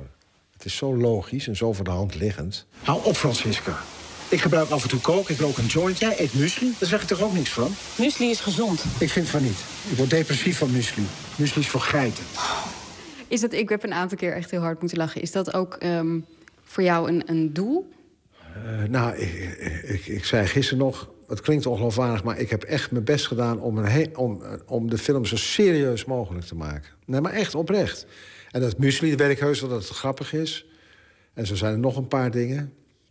Maar gisteren, nou was het een première. Het is natuurlijk een apart fenomeen. Want er zijn veel vrienden, bekenden en die kennen mij. En... Maar er werd veel uh, gegrinnikt. En ook op momenten dat ik dacht... jongens, jongens, wat is hier nou toch weer grappig aan? Dat is... Ik weet niet of het ook in de reguliere uh, vertoningen is. Dat weet ik niet, geen idee. Maar het, is wel vaak dat... Uh, ook in een reguliere voorstelling... dat er dan gelachen wordt op, om dingen waar, waar, ik, waar ik in ieder geval geen... Die ik niet met opzet zo gemaakt heb om te lachen. Maar dan is het blijkbaar toch iets geestigs ingeslopen. Er is eigenlijk een soort Alex van Warmerdam mens... die op een bepaalde manier spreekt, die een bepaalde dialoog heeft. Het is een... Um... Ja, maar dat gebeurt in de casting al. Maar het, ik, ik, het is niet zo dat ik dat zelf weet van uh, wat dat precies is. Dat, dat, ik probeer ook steeds dat uh, te ontkennen. En uh, ik doe eigenlijk ook bij elke film mijn best... om zo onaardig van Warmdamiaans mogelijk te zijn. Dus en bijvoorbeeld het eten. Dat gelul over dat eten met die paardenworstjes, ja. En, en, en, en en uh, niertjes. Ja, wij aten vroeger niertjes. Uh, ik eet nog niet, ik ben gek op niertjes. Maar goed, het eten werd een soort typisch Alex van Warmerdam. Dus ik heb nu al twee films lang het eten volstrekt amorf gemaakt. Zelfs half buiten beeld. Dat doe, dat, want dat, daar wil ik dan vanaf. Van dat, want dat wordt dan ook, ook vervelend. Dan heb je hem weer met z'n eten, ja. maar hier zit geen maaltijd in. Ja, ik eet een ei, maar dat kan je geen maaltijd noemen, vind ik.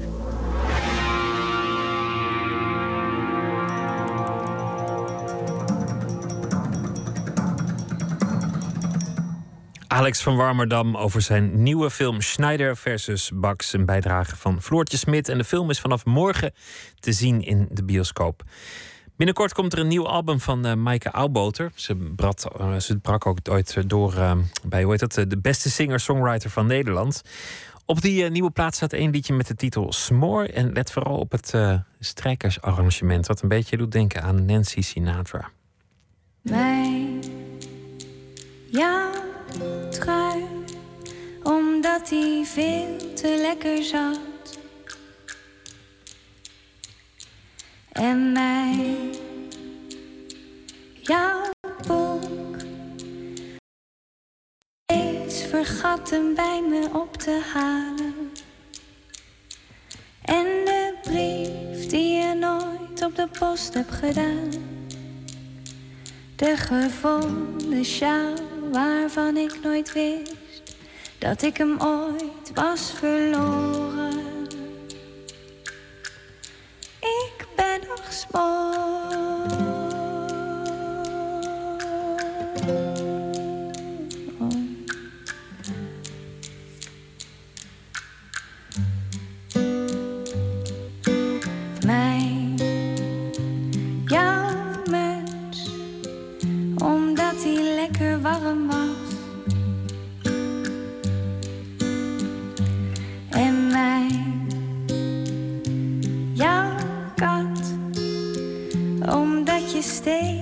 Vergat hem bij me weg te halen. En die brief die je nooit op de post hebt gedaan. De gevonden ring waarvan ik nooit wist dat ik hem bij je was verloren.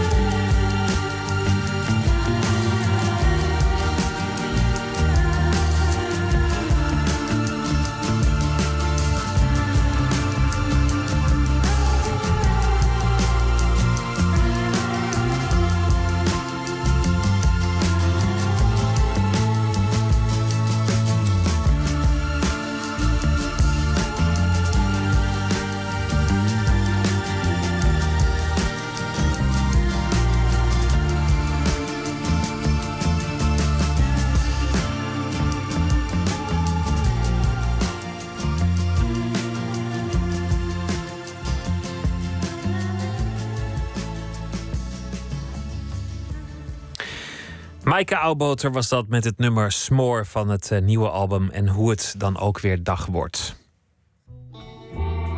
Nooit meer slapen. Overal ter wereld is al een hele tijd uh, een ware rage, de long read. Maar in Nederland is die vandaag echt officieel op de kaart gezet vanavond. In Spui 25 te Amsterdam. De lancering van een digitaal platform voor het middellange verhaal. Botte Jellema is nachtcorrespondent en uh, hij was erbij. Wat is het uh, precies voor verhaal, de long read? Ja, longread. Dat gaat uh, om non-fictie, dus uh, documentaire of journalistieke verhalen. En dan hebben we het over verhalen van zo'n nou, tussen de 5 en de 15.000 woorden. Nou, dat is, uh, als je dat omrekent naar een gemiddeld boek, ongeveer nou, maximaal een bladzijde of 50 of zo. dat kunnen reisverhalen zijn, of portretten van personen, of avonturenverhalen, noem het maar op. En zolang het maar niet verzonnen is, maar een poging doet om de werkelijkheid weer te geven. Wat is uh, precies nieuw aan uh, wat er vanavond gelanceerd is?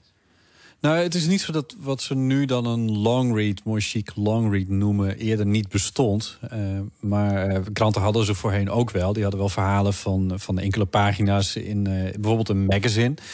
Maar dat fenomeen dat is de afgelopen tien jaar eigenlijk verdwenen. Of uh, Frank Westerman, schrijver die er vanavond ook bij was, uh, die zei het zo.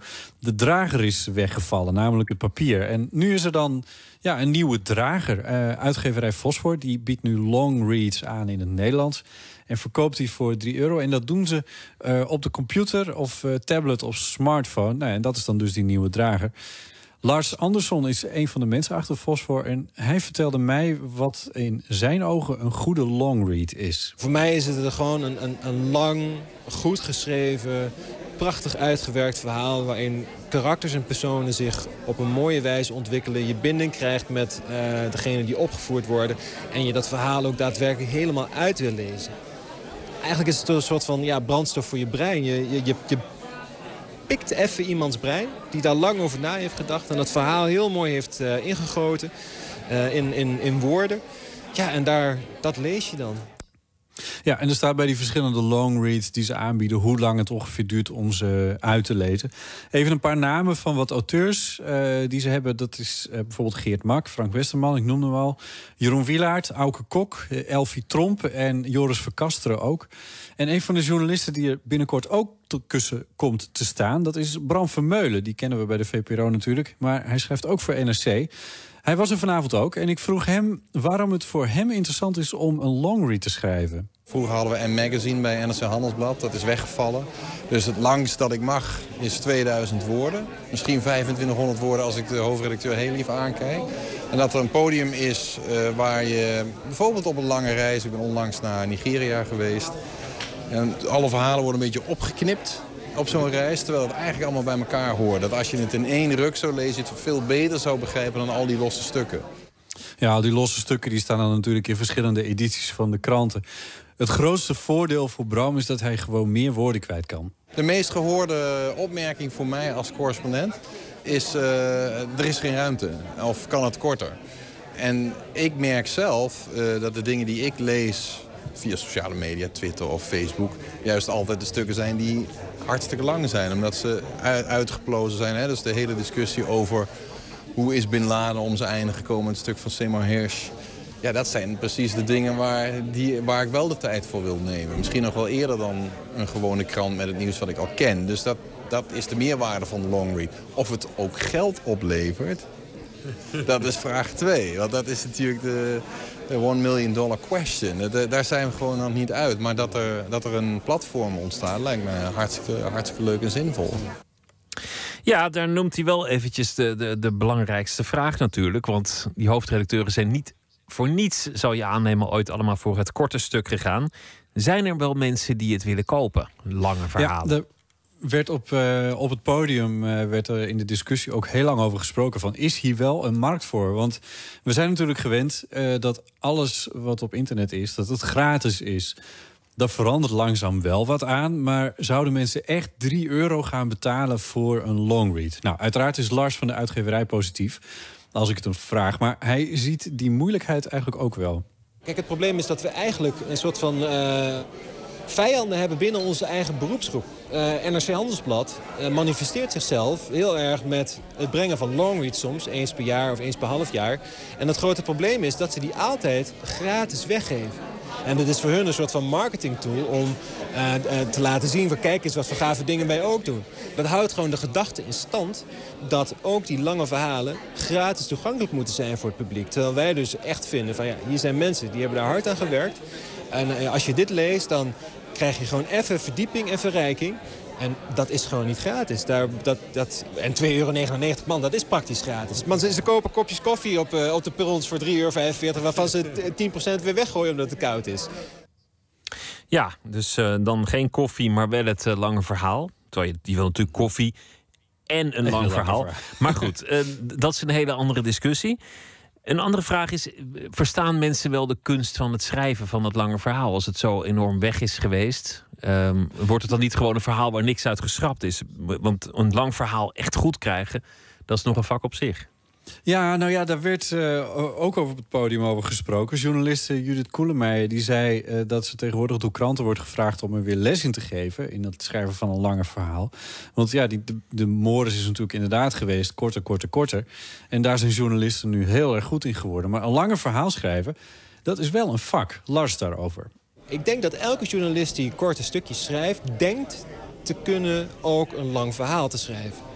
En die misvatting die, die merken we best vaak. Want er zitten uh, soms ook auteurs die bij ons aankloppen... die best wel een goede naam hebben en die dan een lang verhaal schrijven. En als je het dan gaat lezen, dan denk je toch van... ja, hier, die twee die rijmen niet met elkaar. Je schrijft hele goede stukken voor de krant... maar in, in deze versie komt het niet uit de verf.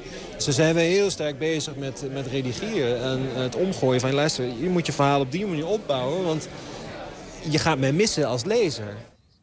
Ja, en ze, helpen dus eh, als uitgever ook om te zorgen dat er wat lyrischer geschreven wordt. Dat er meer details in staan. Dat er scènes in zitten. Uh, misschien mag het ook wel eens wat minder objectief. Eh, zo werd er op het podium ook betoogd. Alles om in het hoofd van de lezer een beeld op te roepen van de werkelijkheid. En die mag best wat gecompliceerder weer zijn. Want, zo zei Geert Mak, daar snakken we naar. Nou is het in andere uh, hoeken, in andere vakken eigenlijk ook gebeurd dat mensen zeiden van ja, uh, lange series, daar zit niemand meer op te wachten. Lange films, uh, daar is geen publiek meer voor. ga ze maar door. En eigenlijk in heel veel hoeken blijkt dat uiteindelijk helemaal niet waar. Ik bedoel, de bioscoopfilms worden alleen maar langer. televisieseries die heel lang duren zijn populairder dan ooit. Dus, dus misschien ja. is tegendraad zijn soms juist wel verstandig. Ja, nou de theatermarathons heb je natuurlijk nog. Er zijn uh, heel veel voorbeelden van mensen die uh, producten, of producten, ja, maar in ieder geval producties, die, die inderdaad langer en meer aandacht vragen, waar best vraag naar is. Dus in dat opzicht uh, ja, is er voor zo'n long read. Ja, waarom niet? ze zijn digitaal. Je kan ze, je kan ze gewoon heel makkelijk overal downloaden. Als je eventjes zegt van nou, ik moet nu 50 minuten in een trein zitten dan ga je naar die site en je kijkt wat er ongeveer 50 minuten duurt om te lezen. En dat download je even en dan, uh, en dan ben je zoet. Ik denk tegenwoordig wel eens dat het eh, publiek misschien wel minder oppervlakkig is dan de marketinggoeroes uh, projecteren en doen geloven. Ja, dat, dat werd dus ook gezegd in de zaal. Van, van het is echt ook een idee fix dat alles maar korter moet zijn. Dat, dat, dat, dat leeft inderdaad onder marketinggoeroes en onder hoofdredacteuren. Maar het publiek zelf ja, ik, ik, weet het niet. Ik ben, ben wel benieuwd of dat, hoe, hoe we daar over 10 of 20 jaar naar kijken. De tijd zal het uitwijzen. De long read uh, is dus uh, vanaf heden uh, te krijgen. En waar kun je hem vinden? Fosfor. Fosfor, uitgeverij Fosfor, die hebben een website. En daar staat een app, die is nog in de beta-fase. Dus ze zijn iets minder ver dan ze eigenlijk hoopten. Maar er kan de eerste long reads daar zeker al kopen. Dankjewel, Botte Jellema. Graag gedaan. Hij is 20 eh, jaar oud en zegt over zichzelf: Ik ben nog een jongen, nog een meisje. En uh, dat is ook wel te horen op het debuutalbum Ratchet. We gaan luisteren naar Shamir Demmen.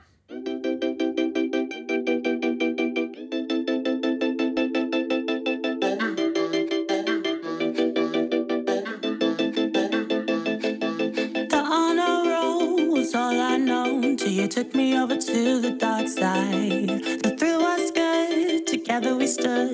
Modern day Bonnie and Clyde.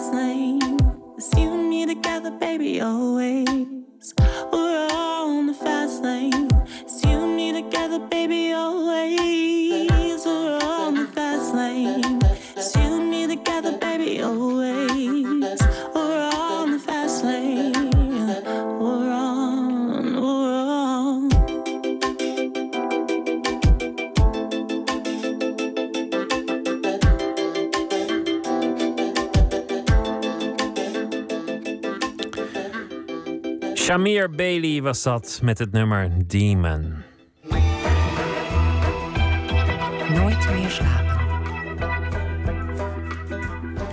Fotograaf Erwin Olaf presenteerde Waiting, een nieuwe installatie waarin fotografie en film samenkomen.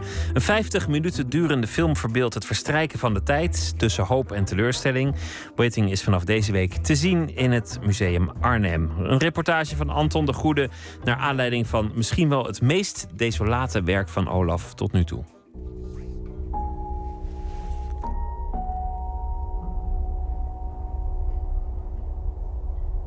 Stel je voor, je hebt na drie maanden chatten... Hè, want een internetdate is het, in mijn optiek... heb je afspraak. Nou, je kleed je op je paasbest aan. Je gaat naar een uh, soort, uh, ja, voor jou doen, chic hotel... met een chic restaurant, uh, maar vier sterren, dat een beetje. En, dus, en je komt helemaal op en top binnen. En je gaat zitten. En dan? En dan komt de date niet. En begint het wachten. Zie hier in het kort het onderwerp van Waiting van Erwin Olaf, fotograaf, bekende Nederlander inmiddels ook. Al schuwt hij de laatste tijd de media. Ja, ik moet zeggen, ik heb een paar hele mooie uitzendingen gehad. Zoals uh, hoe heet het, zomergasten en uh, college tour. En op een gegeven moment kijk je naar jezelf en denk je... ik heb op dit moment even niks meer toe te voegen. En dan ga ik alleen maar uit mijn nek kletsen. En een mening geven over uh, de oorlog in het Midden-Oosten. Terwijl ik daar geen klap van af weet. Dus ik dacht, het is wel mooi even. Deze terughoudendheid past bij de levensfase waarin Erwin Olaf is beland. Zoals het ook past bij waiting. Ik ben heel erg gefascineerd door het fenomeen wachten. Omdat iemand een keer op een feestje of zo tegen mij zei... van ja, als je wacht, dan ben je half dood. Totdat je wordt uh, ontdekt door een bekende of een dokter. Als je wacht in de wachtkamer van een dokter... op een vreselijke of een positieve zieke huisuitslag... of uh, je wacht op een geliefde die komt of niet komt. Hè? En wat doet dat met je? Hoe zie je er dan uit? Uh, wat gebeurt er? Dit, het is ook een klomp, een steen in je maag. En dat heb ik eigenlijk willen visualiseren... door uh, een ongemonteerde film van 50 minuten. Dus je ziet alleen maar twee shots op verschillende schermen... van een gezicht, een close-up en een totaalsituatie... En ook uh, fotografie uh, van hetzelfde fenomeen. En dat heb ik dan samengevat, laat ik maar zeggen, in een hele scherpe, uh, donkergrijze driehoek. Dat is het, de installatie. die open is aan twee kanten, zodat je erin kan. En in het hart van de driehoek, daar, daar worden dan twee films gedraaid. En de buitenkanten zijn eigenlijk ja, versierd, zal ik maar zeggen, met fotografie. En dat hart, dat, of die, die, die, die hele scherpe driehoek, die staat voor mij voor die steen, die scherpe steen in je maag. Voordat je weet of de uitslag van de dokter goed is of die geliefde wel of niet opkomt. Hè? Je kent dat wel. Als je helemaal alleen bent en je wacht en, en je bent ultra onzeker, zou ik maar zeggen.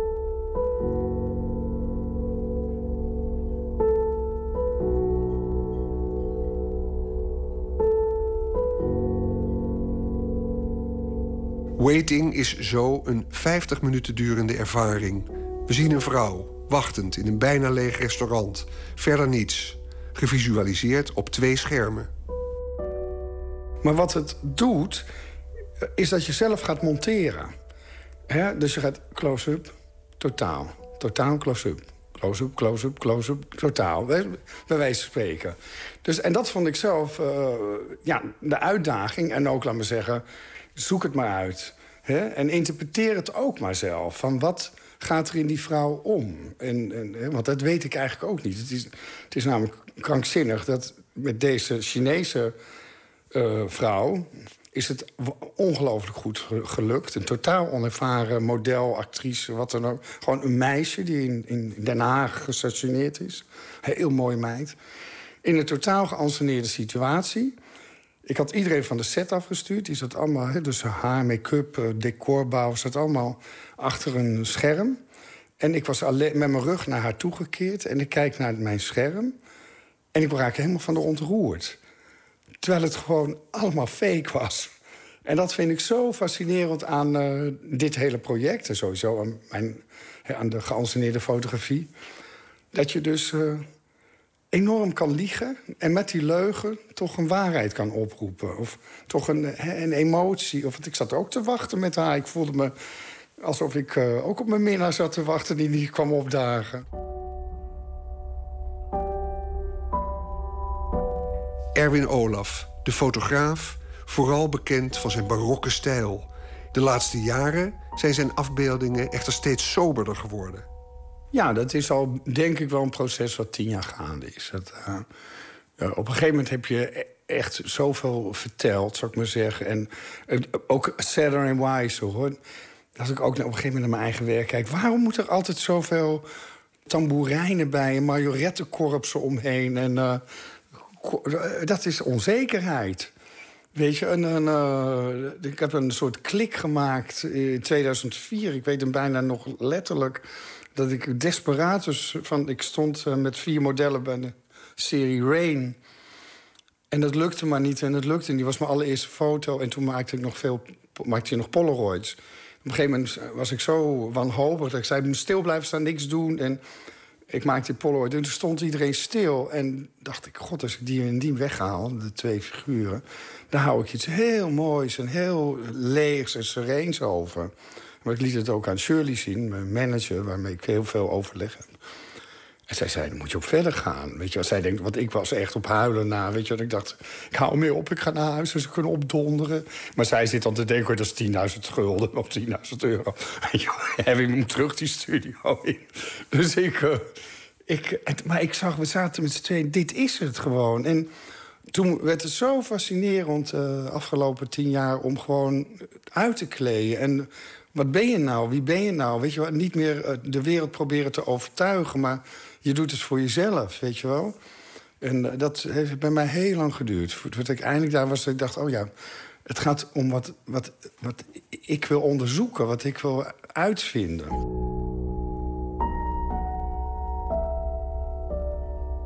De versobering in zijn werk leidde de laatste jaren onder meer tot de fotoserie Rain, Hope and Grief. En in Waiting lijkt de desolaatheid in het extreme doorgetrokken. Inhoudelijk voel ik wel dat ik naar een, punt ben gekomen... dat ik nu even rust moet nemen van al die jankende wijven... of moeilijk kijkende mensen die tegen ramen aanleunen. Want je moet heel erg oppassen dat je niet uh, uh, een holle frase wordt. Snap je wat ik bedoel? Dat je weer een serie maakt die over verdriet of eenzaamheid. Of... Want voel ik me ook zo? Nou, dat heb ik op een moment niet. Dus ik ben nu, laat maar zeggen, heel klein aan het fotograferen. Het naakt aan het ontdekken. Gewoon het klassieke naakt. Niet het chockerende naakt van begin jaren tachtig... maar gewoon het klassieke naakt.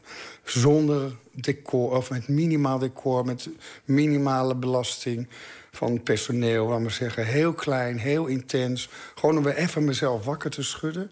En de doka, gewoon klassiek afdrukken. Gewoon, wat is de essentie van fotografie? Want je kan niet groter groeien op een gegeven moment... en niet dieper in emoties gaan. Ik heb een, dat je denkt, dit, dit is zo'n prachtige punt even. De verstilling is eigenlijk gevolgd op het barokke. En er is nu, zou je kunnen zeggen, een soort balans. En in een bijzin zeg je, het gaat goed met je en dat is goed nieuws. Ja. Je hebt gezondheidsklachten gehad. Je bent in de media verschillende keren geweest. Uh, tumultueuze dingen over zoenen en rellen en doen. Ergens rust. Ja, en ik moet ook eerlijk zeggen, ik heb dan één keer zo'n rel gehad... omdat ik een journalist is, een Bexpo. Nou ja, journalist. Maar dat vond ik ook uh, gênant voor mezelf, weet je wel. Dat moet je niet doen. En, uh, en toen keek ik ook naar mezelf. En toen dacht ik, wat wil je nou doen, weet je? Je bent gewoon, je bent gewoon een lullige fotograaf, weet je wel. Schoenmaker blijft bij je leest. Probeer niet de hele wereld te veranderen. Ja, dat doe ik wel op mijn manier, op een andere manier nu. Weet je gewoon stiller. En je kan het ook je omgeving niet aandoen. De mensen die, weet je, die op je vertrouwen. Je moet het je, je, moet niet zoveel mening hebben. Verzin maar ideeën, weet je wel. Uh, en, uh, en dat is een wake-up call geweest. Dat je ook denkt, ja, en ik ben ook verdorie 56. Wat ik ook wel zo grappig vind, weet je. Dat je hè? Sta je in blote reet voor de spiegel, denk je... dit is al meer dan een half eeuw oud, weet je wel. Ga zitten, man. Doe eens even normaal. Ja, en en het, het leven is zo super gunstig voor me... dat ik kan ook alleen maar hè, laat maar zeggen, je kan niet dan maar zeggen, grote ellende fotograferen... als, als jij in de meest gunstige uh, situatie van het leven eigenlijk verkeert. Maar niet wegnemen dat bijvoorbeeld eenzaamheid, wachten, uh, ouder worden. Uh, nou ja, dat zijn natuurlijk wel emoties die horen ook wel heel erg bij me.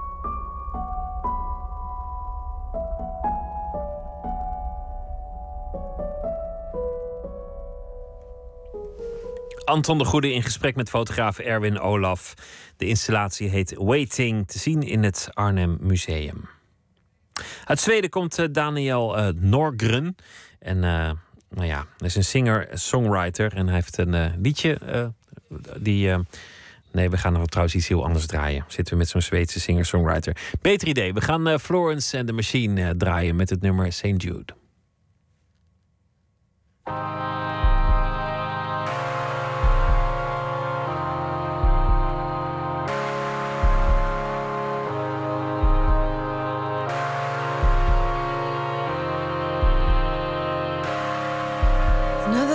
Conversation with no destination, another battle never won. Each side is a loser, so who cares who fired the gun? And I'm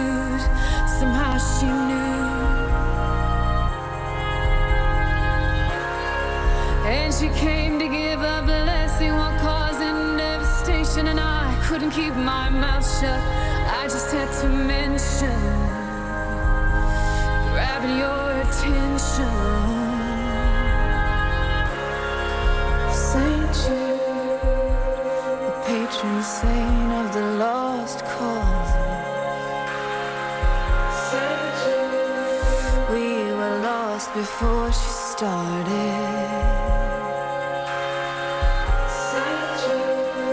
We lay in bed as she whipped around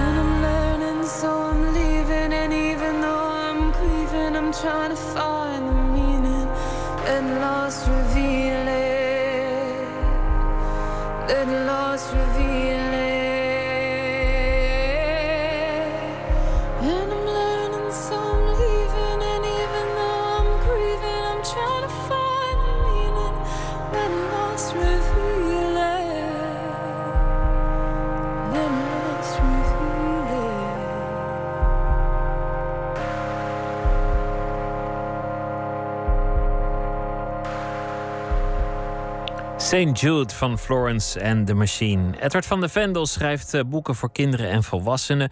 Deze week zal hij elke nacht een eh, gedicht voordragen. Een gedicht dat hij zelf waardeert. Vannacht eh, draagt hij voor Gedicht voor een vriend van Paul Snoek.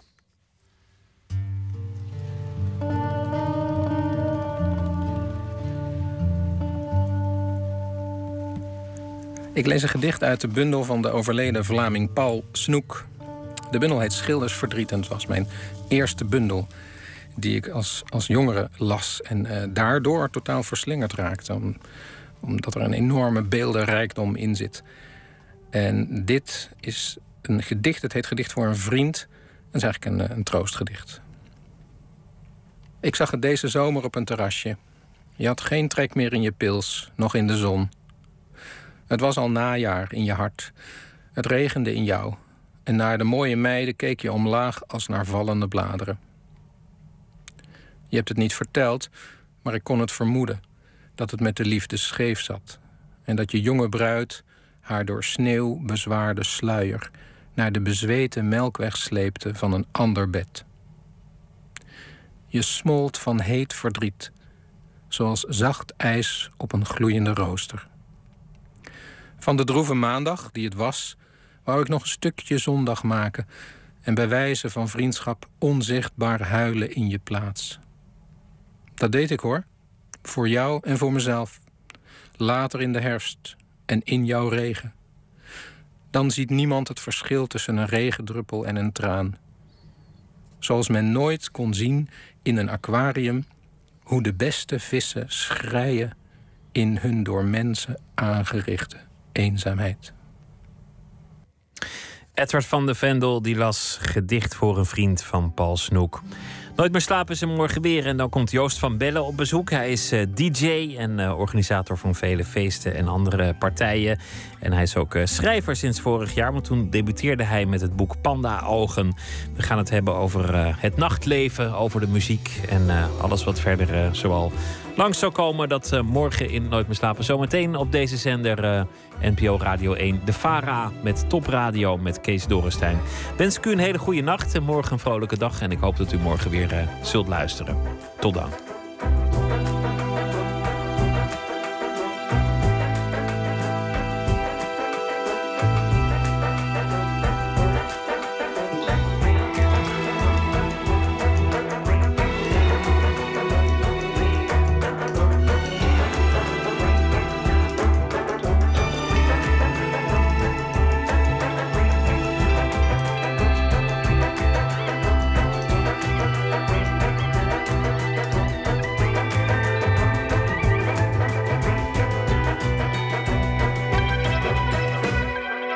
Radio 1. Het nieuws van alle kanten.